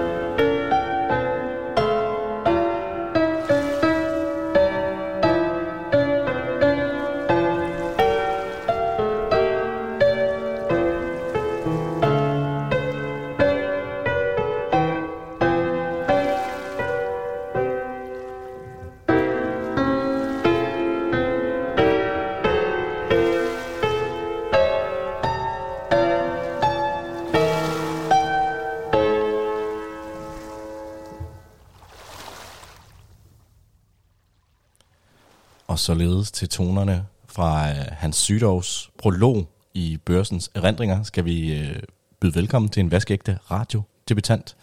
En person, der står mit hjerte meget nær, Alberte Arup Velsé. Hej. Velkommen Hej, til. Tak. Og du er jo, øh, udover at være min partner i bibelsk forstand, øh, du studerer moderne kultur. Ja. Du er fra Amager. Det er jeg. Du er en kæmpe musiknørd. Ja. Om alt fra øh, simpelthen øh, dansk punkmusik til øh, klassisk musik. Ja. Og det er det, vi skal snakke om lidt i dag. Det skal vi. Øhm, vi har jo været heroppe, det har jeg snakket om i en af vores første udsendelser. Vi var heroppe i uge 3, og du har aldrig været i Skagen, før vi var heroppe i uge 3. Nej. Og nu har du været heroppe i uge 28. Ja. Hvordan har det været? Meget anderledes. Meget anderledes. Øh, end uge 3. Øhm, og svært lige at finde ud af, hvad går det her ud på. Øhm, jeg har været meget i Tisvilde, så jeg sammenligner det lidt med det. Men jeg fornemmer alligevel, at der er en del mere historie heroppe. Øhm, ja. Som har været svært lige at finde ud af, hvad går det ud på. Ja, fordi mere der, end bare øh, sommer, sol og badestranden. der er jo den her, det her glansbillede af øh, hvide skjorter med øh, pullovers bundet rundt omkring, og øh, Ja masser af rosé og øh, forskellige ting. Men der er jo den her kunstnerkoloni, som der ligesom binder hele den her by sammen på en eller anden måde. Og det var, også, øh, det var jo ofte folk fra Sjælland, der øh, havde sommerhus herovre, og ligesom øh, ja, brugte Skagen til at udføre deres kunst. Og øh, det har vi prøvet at søge lidt ind i. Fordi at da du gik rundt nede i, øh, ja, det må da være Skagens centrum, der havde du lidt en oplevelse af at føle dig lidt fremmed. Ja, og så vil jeg jo prøve at forstå, hvad går det her ud på. Øhm, musik er jo, som du fik nævnt, mere mit medie øhm, end billedkunsten, tror jeg. Øhm, så jeg prøvede at finde noget musik, der bevægede mig fra Skagen Centrum og ned mod det grå, nej, nej, det hvide fyr.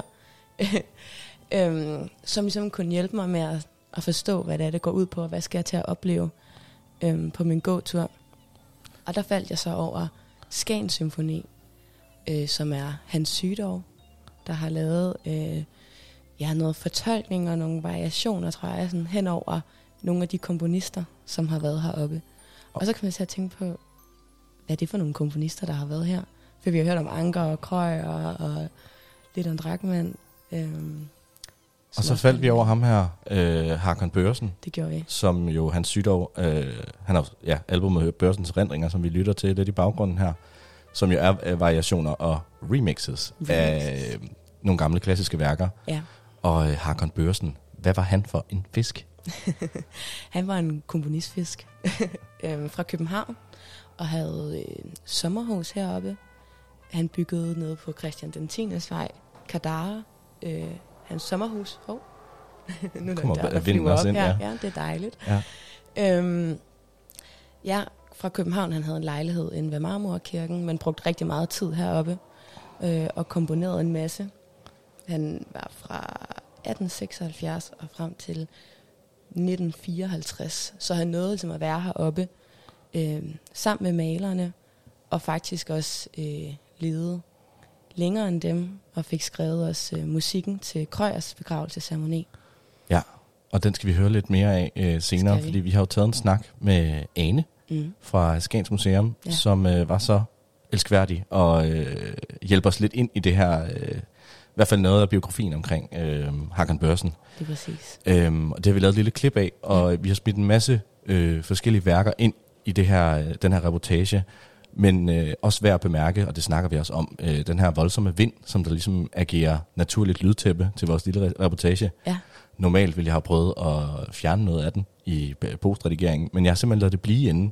Øh, måske af dogenskab, men også fordi, at det ligesom giver en eller anden flot øh, lydakustik af, hvordan komponisterne jo også har skulle skrive med den her vind i baggrunden, og øh, det kan man også især høre i Sydovs øh, øh, komposition, kompositioner, at, øh, at han ligesom har brugt vinden og havet, og der er en masse puls og forskellige lyde, man ligesom kan bruge i, øh, i den måde, man skriver musikken på. Øhm, så jeg tænker næsten bare, at vi skal smide Ane på.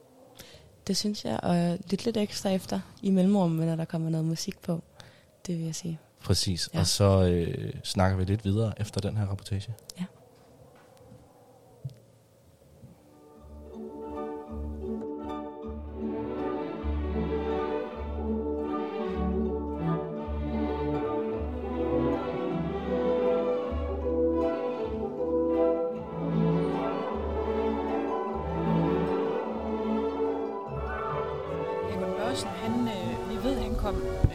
Skagen første gang i 1899.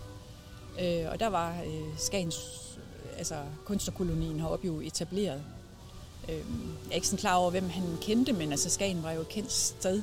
Et sted, man kunne tage hen og slappe af. Så det kan være, at han i første omgang er kommet herop for at slappe af. Vi ved i hvert fald, at han bookede sig ind på det luksuriøse badehotel, der fandtes dengang ude på grenen. Men derefter flyttede han ned på Brøndums Hotel, som jo var tilholds stedet for kunstnerne. Og ikke så meget for overklassen dernede. Det var mere kunstnerne, der samledes dernede. Så det kan være, at det er ved den lejlighed, at han ligesom er blevet indlemmet i kunstnerkolonien og blevet en del af deres øh, festlige sammenkomster og kommet til at kende dem øh, privat og sådan noget. Øhm, og han debuterede i 1901 med en symfoni, Øh, og så han har altså været i gang med en karriere på det her tidspunkt. Men Skagen må have betydet noget for ham, altså fordi han holdt jo til herop i, i længere tid. Vi ved, at han efter Holger Drachmanns død øh, lejede eller lånte Holger Drachmanns hus ja. og boede deroppe.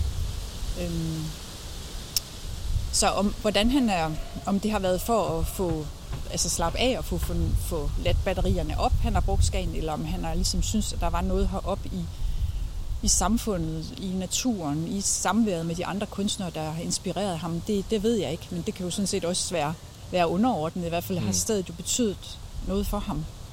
Ja, Drachmann var jo også øh, musisk interesseret, Ja, netop. og endte jo også med at få musik til flere Ja. af hans digte, så Ja. der, er en, der er en klar øh, koalens mellem de to, at han ligesom overtager Ja. huset dernede. Det er meget sjovt. Ja. Altså, da Krøyer stadigvæk øh, levede, der spillede Hagon Børsen ofte på, på Krøyers øh, øh, øh, f- øh, op i, øh, i Krøyers atelier. Krøyer var selv meget optaget af sang og musik. Og, mm, så det samvær har, har nok også inspireret dem begge, øh, været til glæde for dem begge. Og Børsen komponerede faktisk øh, sørgemarschen til Krøyers begravelse.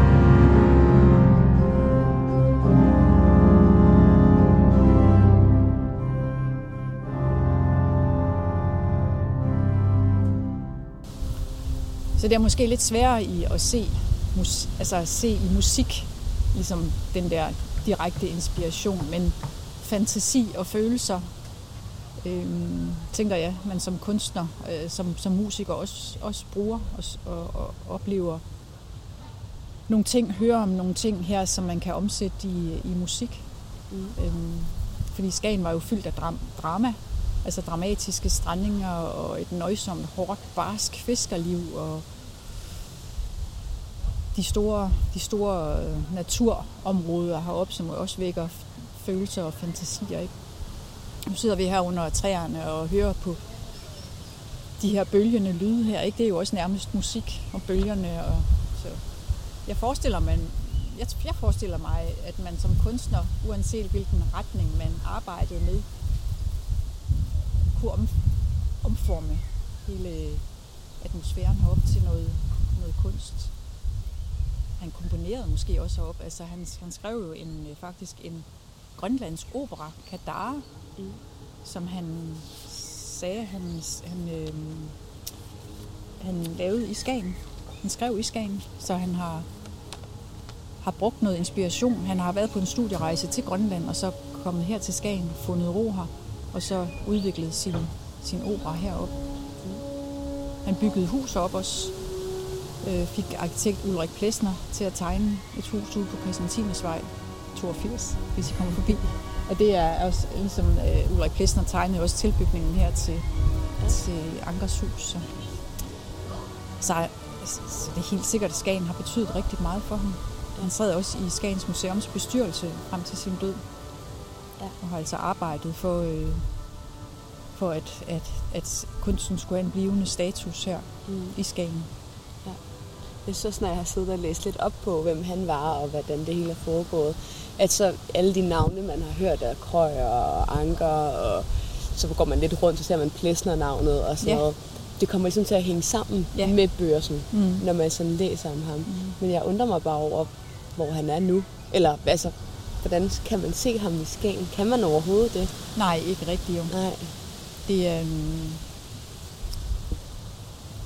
Altså det er jo det, der er sådan, hvad skal man sige, lidt, lidt ærgerligt egentlig, fordi når man går over på Skagens Museum, og især ind i den gamle spisesal, Brøndum spisesal, og ser på portrætrækken hele vejen rundt, der hænger Hakon Børsen faktisk også portrætteret. Okay. Men der er jo rigtig mange andre kunstnere, som altså digtere, forfattere, skuespillere, som har været heroppe faktisk rigtig meget. Men de er jo også forsvundet, fordi deres kunst er ikke den her hånd- håndgribelige. Vel? Faste form, ja. Ja. Mm. Så um, ja, det må man opsøge på, på, på anden måde. Ikke? Men man kan godt blive lidt overrasket over, hvor mange typer kunstnere, der egentlig var heroppe. Altså Ja. mange tænker på kunstnerne som malere, men, mm. men det var formgivere, arkitekter, ja, og så sanger og balletdansere og skuespillere og mange forskellige øh, typer, som, som var heroppe. Ja, for Mm. man tænker, altså når man, når man hører og læser om, om Krøyer og sådan noget, så er det meget sådan noget lyst øh, musik og festmusik. Mm. Så, så, så den der sådan øh, fordybelses... Øh, der, er- der er jo ikke rigtig noget sted, noget symfonisk heroppe, hvor man kan, skal stille op med, med større orkester. Nej. Nej, nej, det er der ikke. Nej. Men altså, altså jeg vil også sige, når man går ind og ser billederne på Skagens Museum, så prøv at lægge mærke til, hvor meget alvor der er i billederne. Ja. Mm. Ikke også? Så, så det der lystige liv, det havde de selvfølgelig også sat pris på. Og det er jo også det, der er dejligt at tænke på. Men de var faktisk lige så meget øh, draget af at opleve alvoren og Mm. det vemodige. Ja. Altså de stemninger, der var i, i, på, i stedet her, altså i, i omgivelserne. Og, og meget af det, som folk også i dag bliver grebet af, at der mange kommer her jo om sommeren. Men der er også mange, der begynder at synes om Skagen resten af året, ikke? også fordi Mm. der er rigtig flot og spændende og helt anden dramatik og Mm. Men det er også vildhed om vinteren. den kontrast, prøve. der er. Ja, men vi var her faktisk i uge to. Ah, Tre, okay. tror jeg. Ja. Ja. Øh, Ja. Og det var jo en helt anden by. Ja. Så da jeg kommer op her nu, og der er iskiosker, og der er folk i badesandaler alle Ja. mulige steder, og Ja. Flotte sommerkjoler. Jeg tænkte, "Men hvordan skal jeg forstå det? Ja. Og jeg tror, det var det, jeg nemlig var sådan, Ja. det bliver lidt overfladisk, når man kommer Mm. og bare ser det. Og så tænker jeg, jeg Mm. er nødt til at proppe noget i mine ører, mm. og så gå en tur og finde ud af, hvad sker der. Mm. Og det er sjovt, det med dramatikken, du siger. For Mm. Når jeg så lytter lidt mere ind i bøger, sådan, som jeg også fandt via øh, sygdom, så kan jeg godt høre, at det er enormt dramatisk. Mm. Hvor jeg er sådan, gud, det, wow, altså, det må være om vinteren, eller det må være Ja. for det er nogle store bølger, og det er noget, og Ja. det er mørkt, ikke? Og jeg Jo. tænkte, hold da op, det Ja. er alligevel... Det er sådan meget romantisk lyd også. Ja. Altså, han, har- han har ikke, men altså de, de store følelser. Mm, og jamen, det er lige præcis det. Ja. Mm. Ja. Men altså, når vi øh, går i brevene, altså i de primære kilder, og ser, hvad kunstnerne skriver til hinanden om Skagen, så er det ikke festligt samvær og hip og champagne over det hele. Så er det faktisk det der møde med det ægte. Det de beskriver som det ægte. De Mm. beskriver det som det primitive liv. Det lyder så lidt nedsættende, men de mener det der enkle liv. Folk lever, fisker, spiser fisk, fisker og, og, og lever i tæt kontakt med naturen. Ingen Mm. tekniske mellemstationer og sådan noget. Det, det er Mm. simpelthen lige på det her liv, de, de kommer herop og oplever Ja. den lokale fiskerbefolkning leve, og det bliver de jo helt bjergtaget af. De mange af kunstnerne har jo kommet, altså kommer fra større byer, både været i Paris og kørt med damplokomotiv og alle mulige moderne ting, og så kommer de op til det her sted, hvor der ikke er en havn, der er knap en jernbane, det kommer der jo så, men, men øh, de, de bliver meget optaget af det her helt enkle liv, tæt ved stranden, tæt ved naturen, tæt ved døden faktisk. Ikke? Ja. Havet, der giver liv, men havet kan tage liv.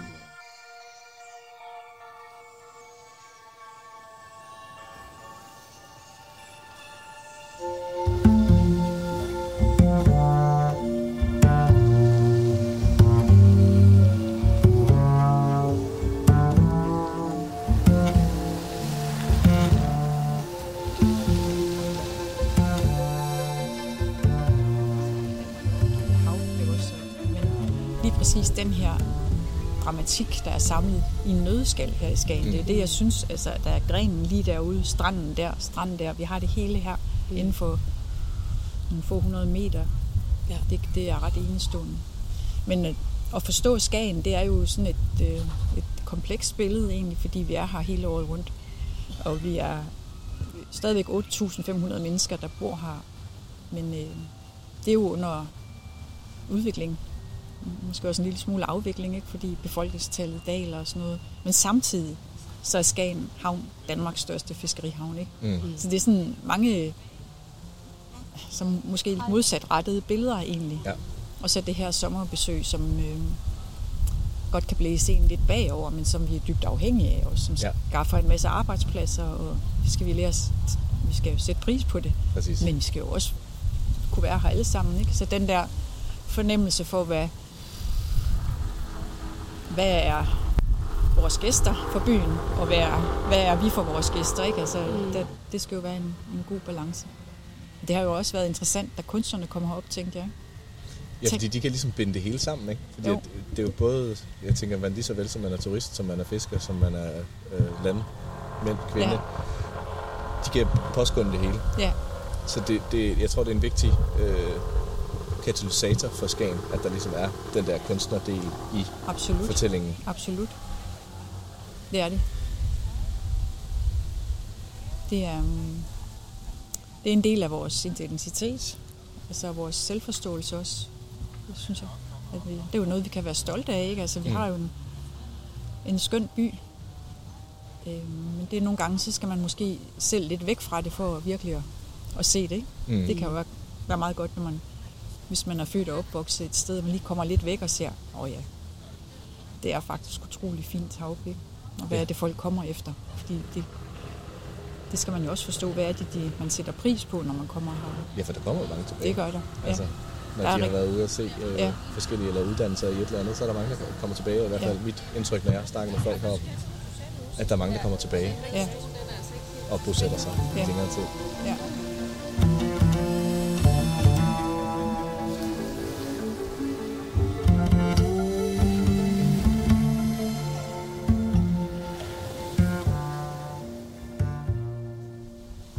Hvad kan man gøre for øh, at udbrede sådan nogle øh, kom, øh, ja, symfoniske værker, som, som nogle af de ting? Har I, har I prøvet at, at lave nogle, øh, Ja. Jamen, nej, vi har ikke prøvet, det har vi ikke øh, taget op. Altså, men altså, man kunne jo, så skulle man jo, jeg vil ikke starte nogle samarbejder. Måske, altså, vi har jo en meget aktiv øh, Skagen Kirke, som også laver koncerter og sådan noget. Det kunne jo være en, en fin ting der. Jeg tror også, at der, der har været noget i, i tidens løb, sådan noget, man, man har spillet noget, men, men der kunne man jo godt måske sætte mere i system og prøve virkelig at, at forske i, hvad det var. Altså Karl Nielsen, han skrev jo også nogle ting, og der var jo også Eva Taube, var faktisk også en svensk komponist, var også heroppe. Skrev nogle kendte viser heroppe. Kunne man godt dyrke noget mere. Mm. Fordi Ja. der er flere øh, komponister. Ja, det er der faktisk, ja. ja. Jamen altså sådan et digitalt lydspor. Jeg tror, det er noget af det, som Sydov har. Ja, det læste jeg nemlig. Øh, vi er lidt sent på den, for den 30. juni, tror jeg, i år, der sluttede det noget på, kunst, øh, på Kystmuseet. Nå. Ja. Men han har nemlig lavet noget, noget remix, Okay, kalder, okay. det er en sjov grund, jeg ved Nå, ikke hvorfor. nej. Men øh, af netop Børsens Ja. øh, erindringer, Mm. hedder det, tror jeg, meget inspireret. Så, men det er ikke kun klassisk. Nej. Det er så det er meget mere tilgængeligt. Okay. Ja. Øhm, og har været installeret i nogle forskellige rum. Ja. Men blandt andet indspillet på Aarhus i Skagen Kirke. Ja, okay. Ja. Ja. Som jo, vi var dernede den anden dag i Skagen Kirke. Ja. Det lyder som et virkelig dejligt rum. Ja, det altså, og det. musikken fungerer helt Ja. vildt godt der. Der er rigtig fint akustik. øhm, ja, lige præcis. Ja. Ja. Så når man ikke har en stor sal til et symfoniorkester for eksempel, så øh, det tror jeg virkelig kunne være Ja. interessant. Ja.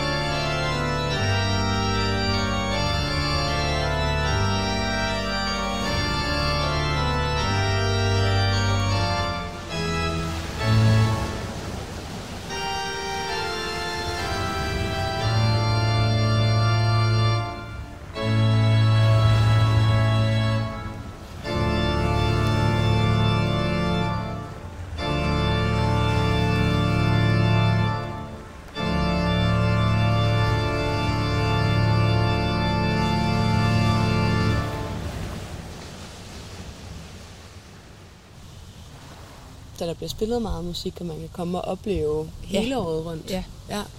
Det gør der. Ja. Lidt mindre skala, men der, men der er Mm. gang i den sådan rundt omkring. Ja. Mm. Så musikken lever videre. Ja. ja. Det gør den. Det er godt. Mm. Men det ville være interessant, og at den kunne blive mere tydelig Ja. i, i, i bybilledet. Mm, øh, ja. I hvert fald i, i, i den fortælling her Ja. med, med børsen og, Mm. og så videre. Altså, Karl Nielsen havde jo også sommerhus heroppe. Mm. Så der, der er mange altså, interessante lokationer rundt omkring. Øh. Men altså, jeg, jeg, jeg tænker da meget, at man kunne måske lave... Der er noget, der er noget der hedder de danske digterruter, Mm. så man kan downloade en, en app eller et QR-kode, og så kan man, når man kommer til en by, hvis de er der, ikke også, i Ribe for eksempel, der er en sådan digterrute rundt, Mm. og så bliver man bare guidet rundt, og så er der en lille fortælling, når man stopper op og kan se. Altså det kunne man jo godt, måske også her i Skagen, lave noget, som, lukkede op for den del af historien. ikke?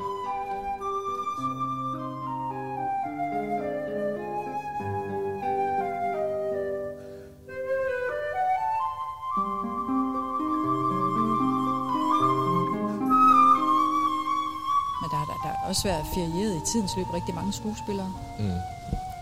som har haft sommerhus enten her eller i kandestederne lidt længere nede af kysten. Så den tiltrækning har været, øh, eller er stadigvæk sådan en magnet. Ja. Ja, Drakmans sidste kone var vel også sanger, så vidt jeg husker. Ja, det var hendes søster, som han kærestede jo lidt med søsteren først. Ja, det er sådan, det er. Som han jo gjorde. Ja, som han gjorde. ja, hun spillede og, og sang. Det kan jo også godt være Sofie, altså hans sidste kone gjorde det vist Ja. også lidt. Det tror jeg også, ja. Det var især Bukken, som... Ja. Det er en helt anden historie. Ja. Det tror jeg faktisk, vi snakkede meget om sidste år. Så det, øh, men ja, børsen. Er der mere, vi skal komme ind på omkring ham? omkring ham. Nej, nu kom jeg til at tænke på, angående det der med, at så var det søsteren, og så hvem kærestede rundt med hvem. Var det ikke svenskeren, hvad han hedder, Alf Ven, som, ja, Ja. som endte med at løbe med, hvad, Krøyers kone? Jo. Var det ikke sådan? Jo. jo. Det gjorde han. De, øh, Marie Krøyer og Hugo Alvén mødte hinanden i Taormina på Sicilien. Mm. Hun var dernede alene på en... Det har nok været en form for rekreationsrejse. Altså der havde... Øh, der var Piers Krøyer jo haft sit første nervesambrud og var indlagt første gang. Og, Mm. Altså det har selv sagt været ekstremt hårdt at være i det ægteskab. Det kan man jo kun forestille sig. Så hun har været lidt nok meget slidt i betrækket. Men der stod hun så ind i Hugo Alvén, og de bliver stormende forelsket. Så hun øh, beslutter altså, at hun vil skilles og tager tilbage og, og siger det til Krøyer. Det, altså, han, det kan han ikke acceptere. Øhm, og tror til synligheden, at det er sådan en, en fløt, der går over. Mm. Så han er, inviterer Hugo Alvén til at komme til Skagen i faktisk to gange og bo hos dem eller i nærheden af dem. Så har han forestillet sig, at så går det nok over. Ja. Det var meget rørende, men Ja. det gjorde det altså ikke. Så øh, da Marie Krøyer så venter Hugo Alvéns barn, så går han med til skilsmissen. Okay. Og så var det altså lidt før Hugo Alvén gifter sig med Marie. Ja.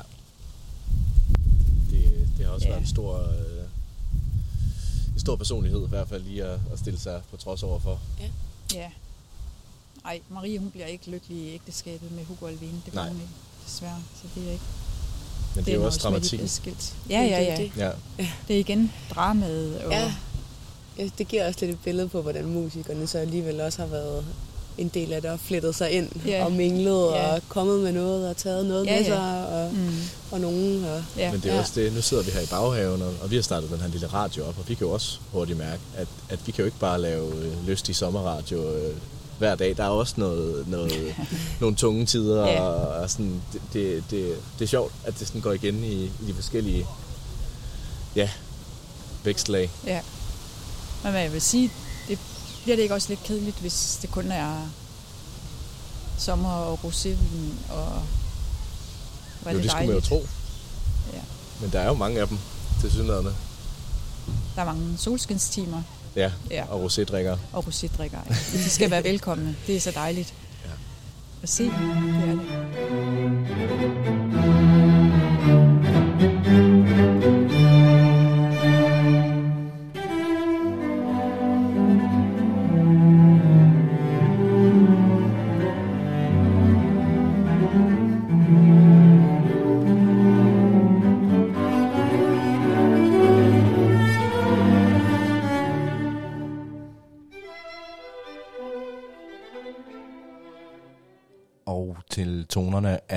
Af Hakon Børsen, så øh, skal der lyde et kæmpestort øh, tak til Ane fra ja. Skagens Kunstmuseum. Det var så dejligt, hun gad at snakke med os og gøre os lidt klogere på de her måske lidt øh, oversete øh, Skagens komponister, som jo levede i sammenlev, øh, samspil med de her øh, kunstnere, malere og digtere og hvad der nu ellers har været heroppe. Ja. Føler du, at, øh, at du er blevet klogere, at vi er blevet klogere? Det synes jeg helt klart. Jeg synes, jeg er blevet meget klogere. Øh, nu handlede det her jo meget om børsen, men jeg synes helt klart, at man øh, skal dykke ned i nogle af de andre komponister, som også var her. Helt sikkert. Og øh, jeg synes, der er sådan flere ting, der går igen, når man hører det her. Nu hørte vi jo både noget Hans Sydov, en del Børsen og en lille smule Karl Nielsen i det her øh, lille sammenklip, som vi har lavet. Og vi kan jo kun opfordre folk til at gå øh, ind på, det er, de ligger på Spotify og så videre, de flere, øh, flere af de her øh, værker, og selv dykke ned i dem, og selv danne jer et billede af, hvad I synes, der er skagen i det her.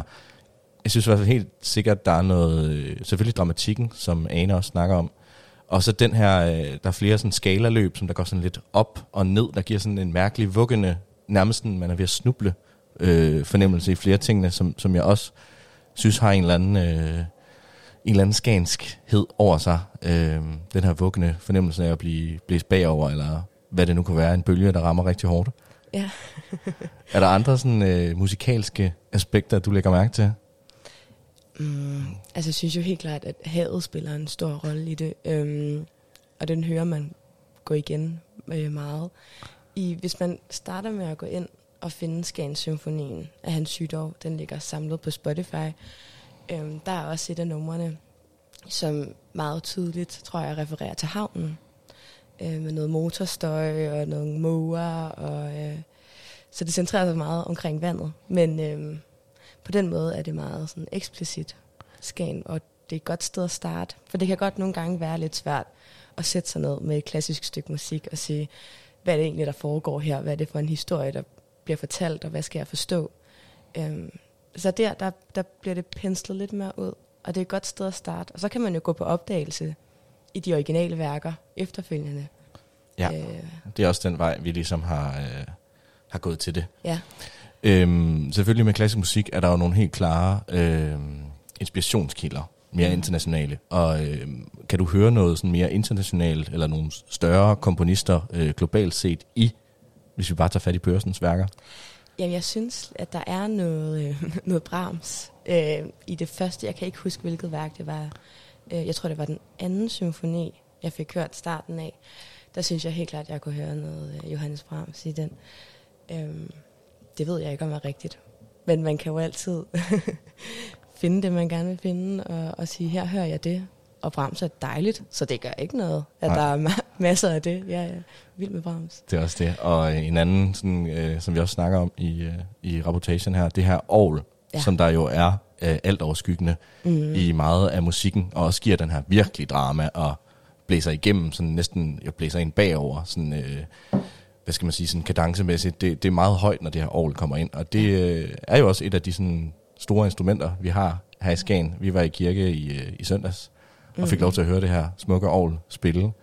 Øhm, og det er både fælles for Sydov og øh, Børsen, at der er rigtig meget Aarhus. Ja.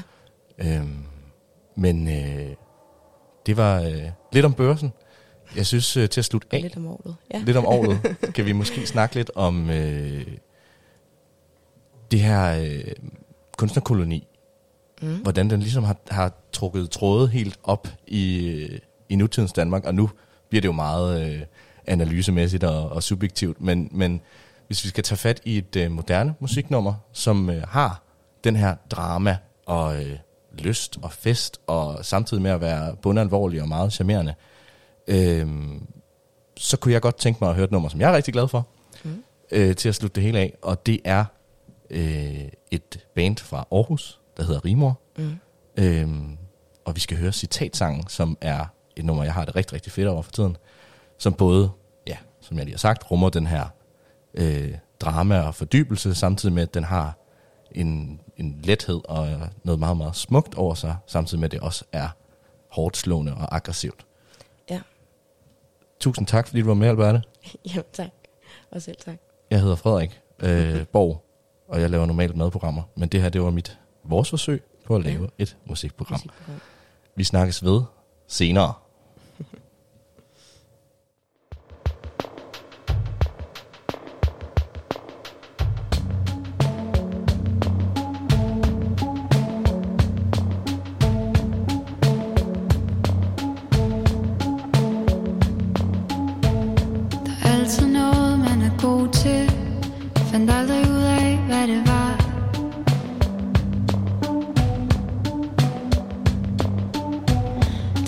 Det vigtigste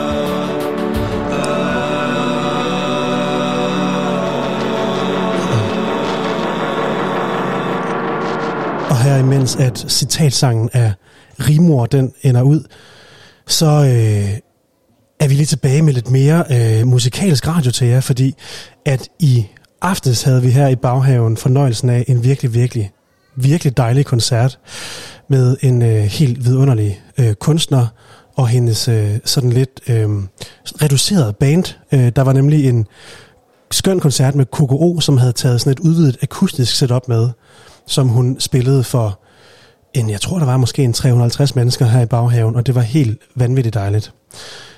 Jeg nåede lige at fange hende i går eftermiddags, inden at de skulle, øh, at de skulle ud og spise og sådan noget. Og øh, det blev til en lille samtale mellem mig og KKO.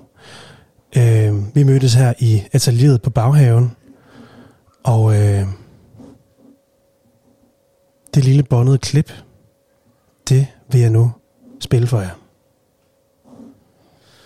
Velkommen til Skagen, Coco. Tusind tak. Har du været her før egentlig? Jeg har været her engang som barn, Ja, hvor jeg var ude at stå med en fod i hver øh, hav. ja. Det er den fortælling, man altid møder i Skagen, det er, at de har været som barn. Ja. Men du er ikke engang fra Nordjylland, så, og det er jo ellers det, man gør i Nordjylland. Så tager man til Skagen som barn og prøver at stå der. Ja, er det rigtigt? Ja, så du er simpelthen kommet hele vejen fra København Kommet hele den lange vej. for at stå der. For at stå, ja. Okay. Men det var min farmor, der tog mig til. Så øhm, Klart. hun har været god til at vise mig dele af Danmark. Okay. Så du har sådan et, lidt et førstehåndsindtryk, fordi nu er du voksen og tilbage i Skagen. Ja, altså jeg er helt bange for nu, at jeg kommer til at sige noget forkert, om jeg har været her som voksen. Men jeg kan kun huske det dengang, for jeg var barn. Okay. Hvad tænker du om at være her? Jeg synes, det er skønt. Dejligt. Rigtig dejligt. Og jeg er sikker på, at det der vind, vi har kørende nu, det skal nok ligge sig.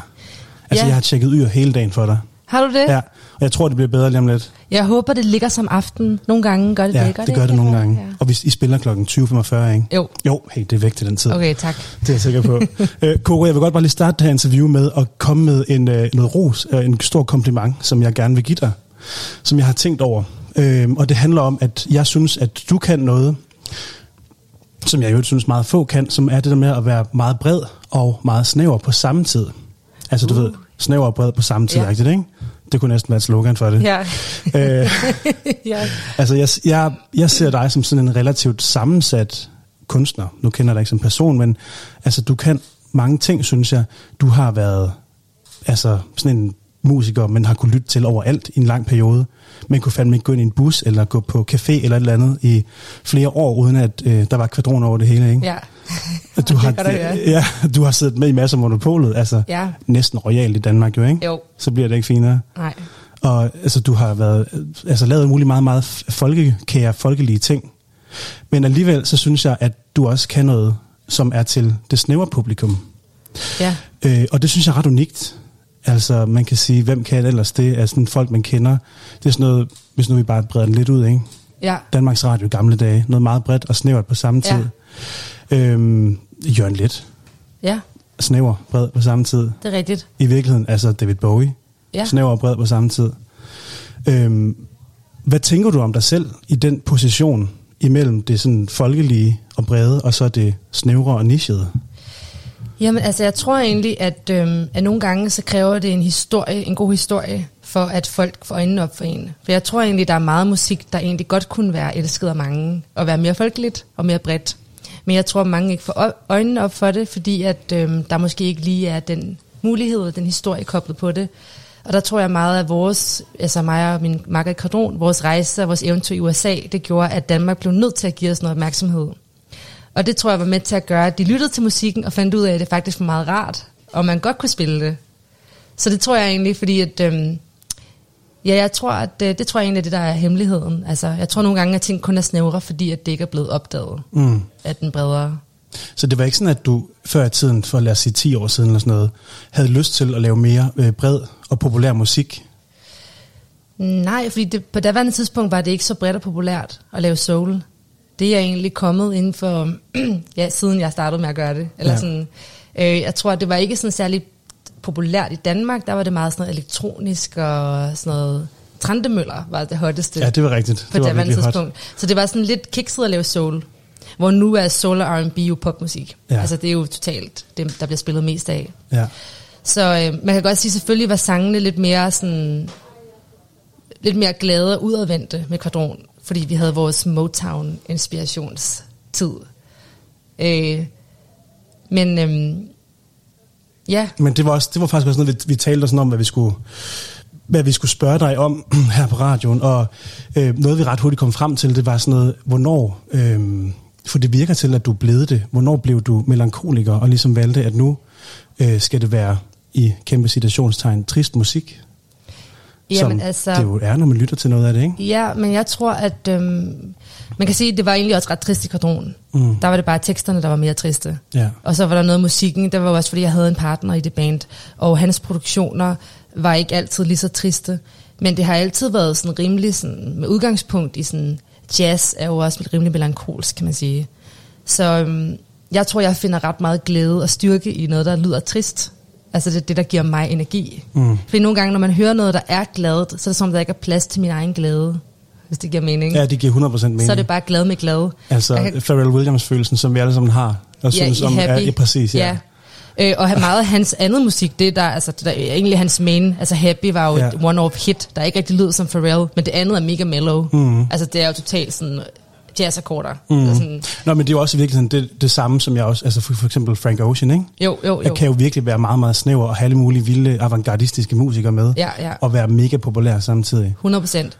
Det er lige med at finde den ene krydderi, der gør, at folk får opmærksomhed på det. Ja. Og øhm, jeg vil da sige, jeg får det også nogle gange at vide, altså min farmor synes, at det er meget trist, det jeg laver. Ja. Men jeg opfatter det slet ikke som, at jeg... Altså jo, selvfølgelig har jeg da også været trist og skrevet triste sange om breakup. Det har da ikke været så sjovt. Ja.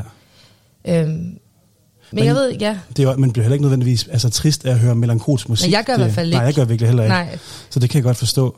Så det tror jeg også bare egentlig, at var, da jeg skulle lave min egen plade, der tror jeg bare, at jeg tænkte sådan, jeg, jeg, fordi nogle gange har man jo lyst til at lave noget, der er mere bredt, for at der er flere folk, der forstår det, og det ikke skal være sådan helt navlepillende. Mm. Men jeg tror, jeg tænkte sådan, jeg lytter meget på trist. Altså jeg tænkte, jeg kan godt lide at høre for eksempel James Blake, han er jo også mega trist. Altså, Ja, ja, præcis. det er meget sjældent at høre en glad dansesang fra ham. Ja. Og alle, der er mange artister, sådan, hvor jeg synes, at det er det, jeg lytter på. Så jeg tænkte, hvorfor laver du så ikke bare det, du godt gider at lytte på selv? Mm. Det er måske lidt trist, men... Der er også et mange mennesker, der er triste, eller du ved, der, der feeder på trist musik. Ja, helt sikkert. Jeg er selv en af dem i virkelig, Ja. virkelig høj grad. Øhm, du er jo også sådan en, altså du har jo været øhm, på alle slæber, fordi Kendrick Lamar, ikke? samarbejde, blevet samlet på et Drake-album og så videre. Øh, så lytter jeg til dit album, som jeg i øvrigt elsker virkelig højt. Øhm, og så den feature, jeg kunne finde, det var Claude Debussy, den franske komponist, ja. på et af numrene. Vil du ikke lige Ingen fortælle mindre. om det? Ja, ingen mindre altså, ikke?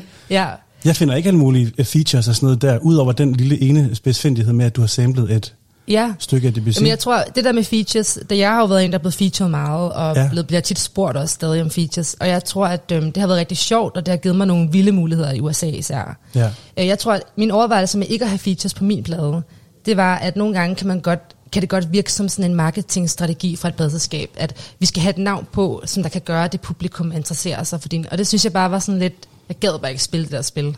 Jeg vil gerne have, at min debut soloplade skulle bare være rent mig.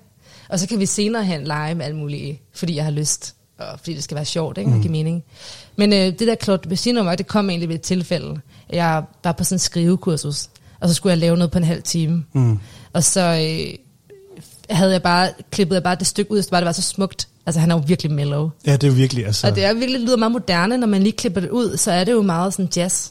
Jamen, det lyder til, at du bare har taget en sekvens af Ja. en akkord eller to nærmest. Så bare lige en meget lille stykke Ja. på nogle sekunder. Og hvor, så bare, Kan du huske, hvor det er fra? øhm, jamen, hvad den hedder? Jeg sad nemlig og ledte efter det lige før, og det var helt umuligt at finde. Jamen, jeg, jeg har den et sted. Jeg kan bare ikke huske, hvad den Nej, hedder, for det hedder noget på fransk, præcis. som jeg ikke rigtig kan udtale. Det er altid Claire de Lune og sådan noget. Ja. Det er umuligt at huske. Ja. Helt klart. Øhm, men virkelig langt, smuk stykke ja. af musik. Øh, og så synes jeg bare, det var... Jeg synes bare, det var sjovt, det der med at høre, hvor... Ja, jeg er jo meget til jazz og sådan noget. Mm. Så jeg synes bare, det var sjovt at høre, hvor tæt de er på hinanden. Ja. De to skoler, eller sådan. Ja, det, det er jo faktisk i virkeligheden øh, på en måde udsprunget af det samme. Ja. Klart. Øhm, altså, nu er det ikke mere end 14 dage cirka siden, at jeg stod for en orange scene øh, til Jada, hvor du jo var også, som du siger, en feature. Du er tit en feature på ting og sager. Ja. Også til din egen koncert. øhm, med tusindvis og er der tusindvis af mennesker, og øl og liderlighed og sindssyge ting. Og nu er du i sådan for en det naturvinstrikkende segment i sådan en kunstnerhave i Skagen. Den der kontrast der, ikke? Er det noget, som du sådan opsøger og kan bruge til et eller andet i dit, øh, i dit liv og i din musik? altså, jeg tror egentlig, jeg er begyndt, jo ældre jeg er blevet, øhm, at Jeg har det meget sådan, når jeg skal ud og spille, det skal være sådan sjovt, mm. og det skal være gode mennesker, og det skal være sådan, fordi på den måde nogle gange, jeg har jo været virkelig meget ude at spille, da jeg var yngre, og blevet kørt rundt i både Europa, USA og i Danmark. Ikke så meget i Danmark faktisk, men meget USA, lange strækninger, og det er meget sådan en maskine af, at du skal bare ud og vise dit ansigt videre ind i bussen, sove i bussen, op. Det er meget, meget hårdt liv, synes jeg. Især sådan vinter i en Mm. turbus, som er basically en stor varevogn, ikke? Ja. Øhm, Jamen, I, I kom vel også til USA, og så nogen forsøgte at putte jer ind i sådan en popmaskine, forestiller jeg mig. De, Eller altså hvad? USA er bare kapitalisme, det er jo bare mere og mere og mere. Ja. Så det er egentlig ikke sådan en popmaskine, de var ret klar på det, vi lavede. Det var Okay. bare sådan, vi skal bare blive større hele tiden. Ja. Og det var også fedt, og rigtig fed oplevelse, men det var også mega hårdt. Og jeg tror, at øh, fordi man hele tiden skal spare penge, og jeg tror bare, jeg har fundet ud af nu, at nu hvor jeg er blevet meget mere chef for mig selv, Mm. og jeg ikke har for eksempel manager, og Mhm. mm-hmm. jeg er bare meget mere selvbestemmelse, så tror jeg bare, at jeg tænker sådan, jeg vil rigtig gerne have, at mit band også skal hygge sig, når vi er ude. Ja. Og jeg skal hygge mig, og have gode oplevelser og møde nogle fede mennesker. Ja.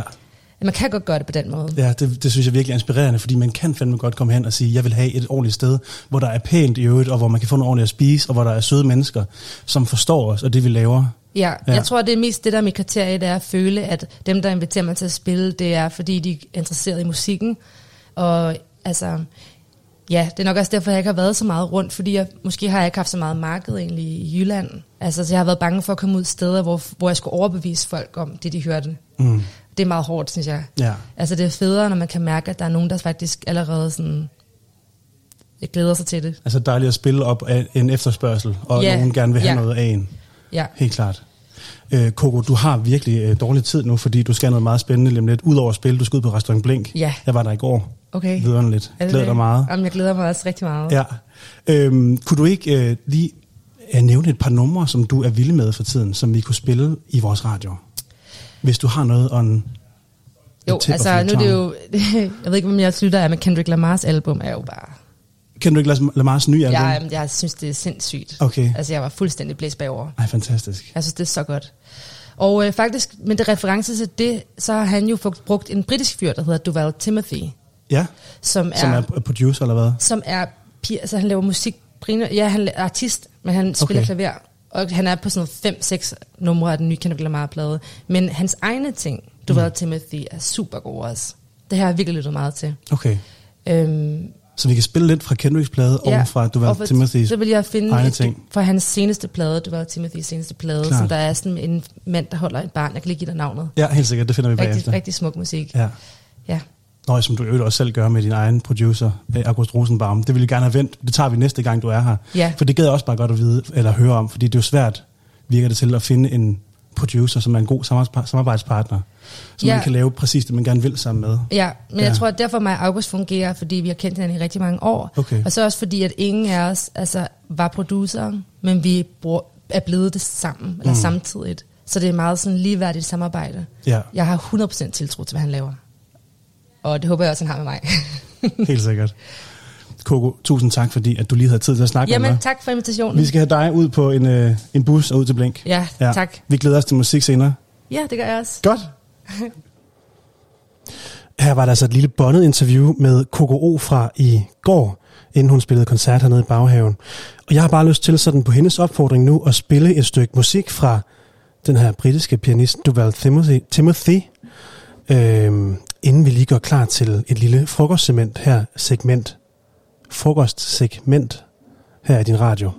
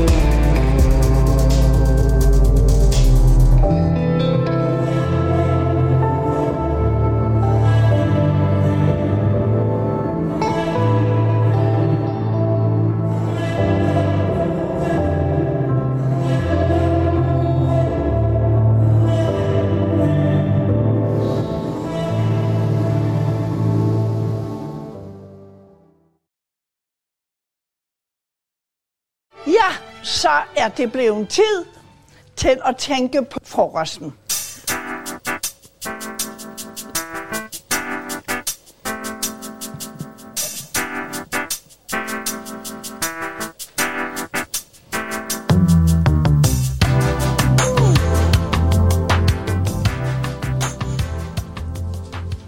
Hej Alberte. Hej Robert. Hej. Det er fuldstændig som øh, Kirsten Hyttemeier siger. Nu er det blevet tid til at tænke på frokosten. Ja, for søren. Og vi har faktisk, vi har faktisk tænkt lidt i forvejen. Der har vi. Ja, fordi vi, nu skal vi ikke snakke om, hvor sultne vi er nu, hvad vi skal have til frokost nu. Men, øh, men hvad vi lavede til frokost i går. Ja. Fordi at øh, du introducerede noget, jeg aldrig har hørt om. Nej, Og øh, det var simpelthen en jordbærmad. en jordbærmad. Og vil du ikke øh, fortælle lidt? Altså først skal vi lige høre, hvad det er. Og så tror jeg måske, vi skal høre lidt, hvor den kreation den kommer fra. Ja. Jamen jordbærmad mad er jo en mad med jordbær. Ja. Ja. Øh, gerne på et stykke lysbrød. Ja. For guds skyld ikke på rugbrød. Det tror jeg ikke er særlig lækkert. Nej, nej. Vi holder den sommer. Og, ja. Øh, ja. Lysbrød, smør. Ja. Ikke øh, vanvittigt meget smør. Nej, nej. Nej, et lag, som ikke øh, kan kaldes tandsmør. Som ikke kan kalde tandsmør. Og det Nej. ej, jeg kan godt lide, det er så specifikt. Ja. Ja. jeg ved ikke, man kan kaste mig ud i, hvor mange millimeter slag det skal være. Men, Nej, øh, det må vi slå op et eller andet sted. Ja, og det er også smag og behag jo. Klart. Ja. Klart. Og så nogle gode tykke skiver er der på den originale Ja. jordbær. Ja. Skåret runde skiver ovenpå Ja. et lag Et lag. mums. Mums. og jeg tænkte, da jeg hørte det, det, det har jeg sgu aldrig fået før. Altså, Nej, det, Det kan jeg jo ikke forstå. Nej, det kan du Nej. ikke forstå. Men det er jo lidt fordi, at det er en... Øh, det er faktisk lidt dig, der er altså, moder til den her. Ja, jeg vil gerne. Medmoder. Den, den med- tager jeg. Den tager du? Ja. Og, og hvordan, hvordan er det kommet stand? Jamen, jeg, det er noget, jeg har fundet på, for nu er jeg jo opfinderen. Øh, da jeg var barn hjemme hos min mor, hvor der var ikke så meget Nutella-mad og, og alt muligt. Nej. Fandt vi ud af, at jordbær fungerer helt vildt godt. Ja. Som sådan et sødt indslag. Ja, Så det er, når der ikke er, når der ikke er Nutella og der er ikke? Nutella og marmelade i lange baner. Ja. Så er der friske jordbær, Så, så meget sundere. som er sikkert meget sundere. Ja. Ja. Og det, er det en, øh, og, det, og det er fra Amager? Det er fra Amager. Det er fra Amager. Så det, er- Ja, det, det- så, så Det kan jo ikke blive kaldt en mad. Nej, det er det. Det må vi for guds skyld ikke kalde Det må vi, nej. nej. Og det er en helt anden diskussion, hvad der skal være på sådan en. Ja, det vil jeg slet ikke kaste mig ud i lige ej, nu, det- ej, og det det, bliver kontroversielt og alt Ja. muligt. Det skal jeg ikke blande mig ind i. Men øh, vi prøvede at, at skulle lave sådan en her. Vi lavede Ja. faktisk, øh, vi lavede fa- faktisk lidt forskellige. Vi lavede selvfølgelig... Øh, ja, vi gjorde. Mm. Vi, Mhm. vi lavede selvfølgelig den originale. Og, og så lavede vi en med, med lidt mere jordbær på. Med lidt mere jordbær. Ja, også øh, skåret lidt mere sirlige skiver, og det så lidt lækkert ud. Ja. Ja. Men den, ja, den ser jo faktisk bare lækker ud. Altså fordi ja. jordbær er skåret. Altså på, på den led der. Det, det er sådan en mosaik. Lige præcis. Det ser, det ser faktisk bare rigtig lækkert Ja. ud. Ja. Ja. Øh, og, vi, og vi brugte øh, Jensen jordbær, som så vidt jeg ved er for Frederikshavn. Mhm. Kan man, altså har det, har det altid været med danske jordbær? Kan man, kan man lave den Uh, det med nogen? ved jeg faktisk. Jeg husker dem altid som søde. Ja. Øhm, jeg tror ikke, jeg har lavet mange jordbærmadder i december. Men øh, Nej. Danske jordbær, det ved jeg faktisk ikke, om det altid har været. Nej. Nej. Nu er det i hvert fald, Nu er det danske jordbær. Nu er det danske. Det fungerede bare helt vildt godt. det fungerede, det, det fungerede, jamen, det fungerede faktisk rigtig godt. Jeg Ja. var meget skeptisk. Ja. Og så prøvede vi at gå, øh, så prøvede vi at gå lidt en anden retning, fordi at, Mhm. øh, jeg har øh, engang fået, eller nogle gange faktisk fået jordbær med balsamico og Mhm. peber. Og det lyder også øh, sikkert for mange, og det gjorde det også for mig dengang, lidt specielt. Ja. Men det synes jeg fungerer helt vildt godt. Helt vildt godt. Jeg tror også, øh, det trækker jordbærmaden lidt ud af morgenmaden og lidt mere ind i frokosten. Ja. Tror jeg. Ja, ja fordi ja. Er, er jordbærmad, er det, altså, er, det en, øh, er, det en, er det en morgenmad? Det er en morgenmadsting for mig. Ja. Ja, men med balsamico og peber, så synes jeg for understreget, at det er, det er en frokostting, det, er en her. frokostting. Ja, Vi lavede lidt blandet, fordi der var både lidt, vi havde også lige lidt æg til, fordi ja. vi lige stod og hyggede lidt i køkkenet, og der var kaffe. huske at fylde maven godt op. Ja, ja. ja. Så det, ja, det er rigtigt, den trækker en lidt mere over i sådan en frokostretning. Ja. Vi, vi, vi jammede også lidt og prøvede en med noget, øh, med noget gedeost faktisk, ja. som måske også lyder lidt, lidt specielt, men, men det der med at få noget sødt til ost, øh, Ja. fungerer, altså plejer jo at fungere ret godt, og det, det gjorde det faktisk også. ja, og det er jo også der, hvor jordbæret igen kan være stedfortræder for marmelade, for Ja. eksempel. Så vi er faktisk ude i at det, et- altså, det er et sundt alternativ. Ja, det, det er lokalt, og det er sundt. Det kan faktisk ikke, altså... Og det glemme, at man også godt må spise noget usundt og en masse sukker. Men øh, okay, det, ja, det vil jeg bare lige huske at sige. det får, dig, det får dig råd på kontoen til en større is senere. Ja, lige ja. præcis. Og så, øh, så, så tog vi den lidt tilbage til den originale jordbærmad. Og så alligevel ikke, for vi, vi lavede en lidt, øh, sådan lidt en sød udgave. Ja, sådan lidt en, en dessert, med. Ja. Ja. Hvad, hvad var det, vi gjorde der? Jamen, der var det jo creme fraiche i bunden, for det skal da ikke blive for sødt. Nej. Øhm, så jordbær, og så noget hybensirup. Var det sådan, det var? Ja, vi havde nemlig noget, Henover. øh, noget hybensirup for, Ja. for Eskebæk Grønt. Mm. Og det var faktisk, øh, det var faktisk rigtig lækkert også. Virkelig godt. Også godt at slutte af på. Ja. Sådan Det lidt, det blev næsten sådan lidt kage sådan en snitte på en eller anden måde. Ja, det, det, det ligner det også, når man skærer den over. Sådan en Ja. dejlig Ja. tærteagtig ting. Ja. Det var virkelig, virkelig godt. Det var faktisk et, et, øh, et ret sjovt sommerindslag. Ja. Og så, så, blev jeg også øh, så blev jeg lidt klogere også. Det har jeg, det har jeg ikke. Altså, nu øh, havde vi Frederik forleden dag, der opfandt ærtemaden, Mhm. som vi lavede en masse forskellige. Og nu jordbærmaden. Altså nu må vi se, hvad der ellers, hvad der ellers kommer af, af kreations. Mhm. Men øh, ellers så, øh, ja, så tror jeg bare, vi vil sige øh, på gensyn. Ja, jam lidt over en jordbærmad. Vi jammer videre på en jordbærmad. Ja, for Lad os gøre det.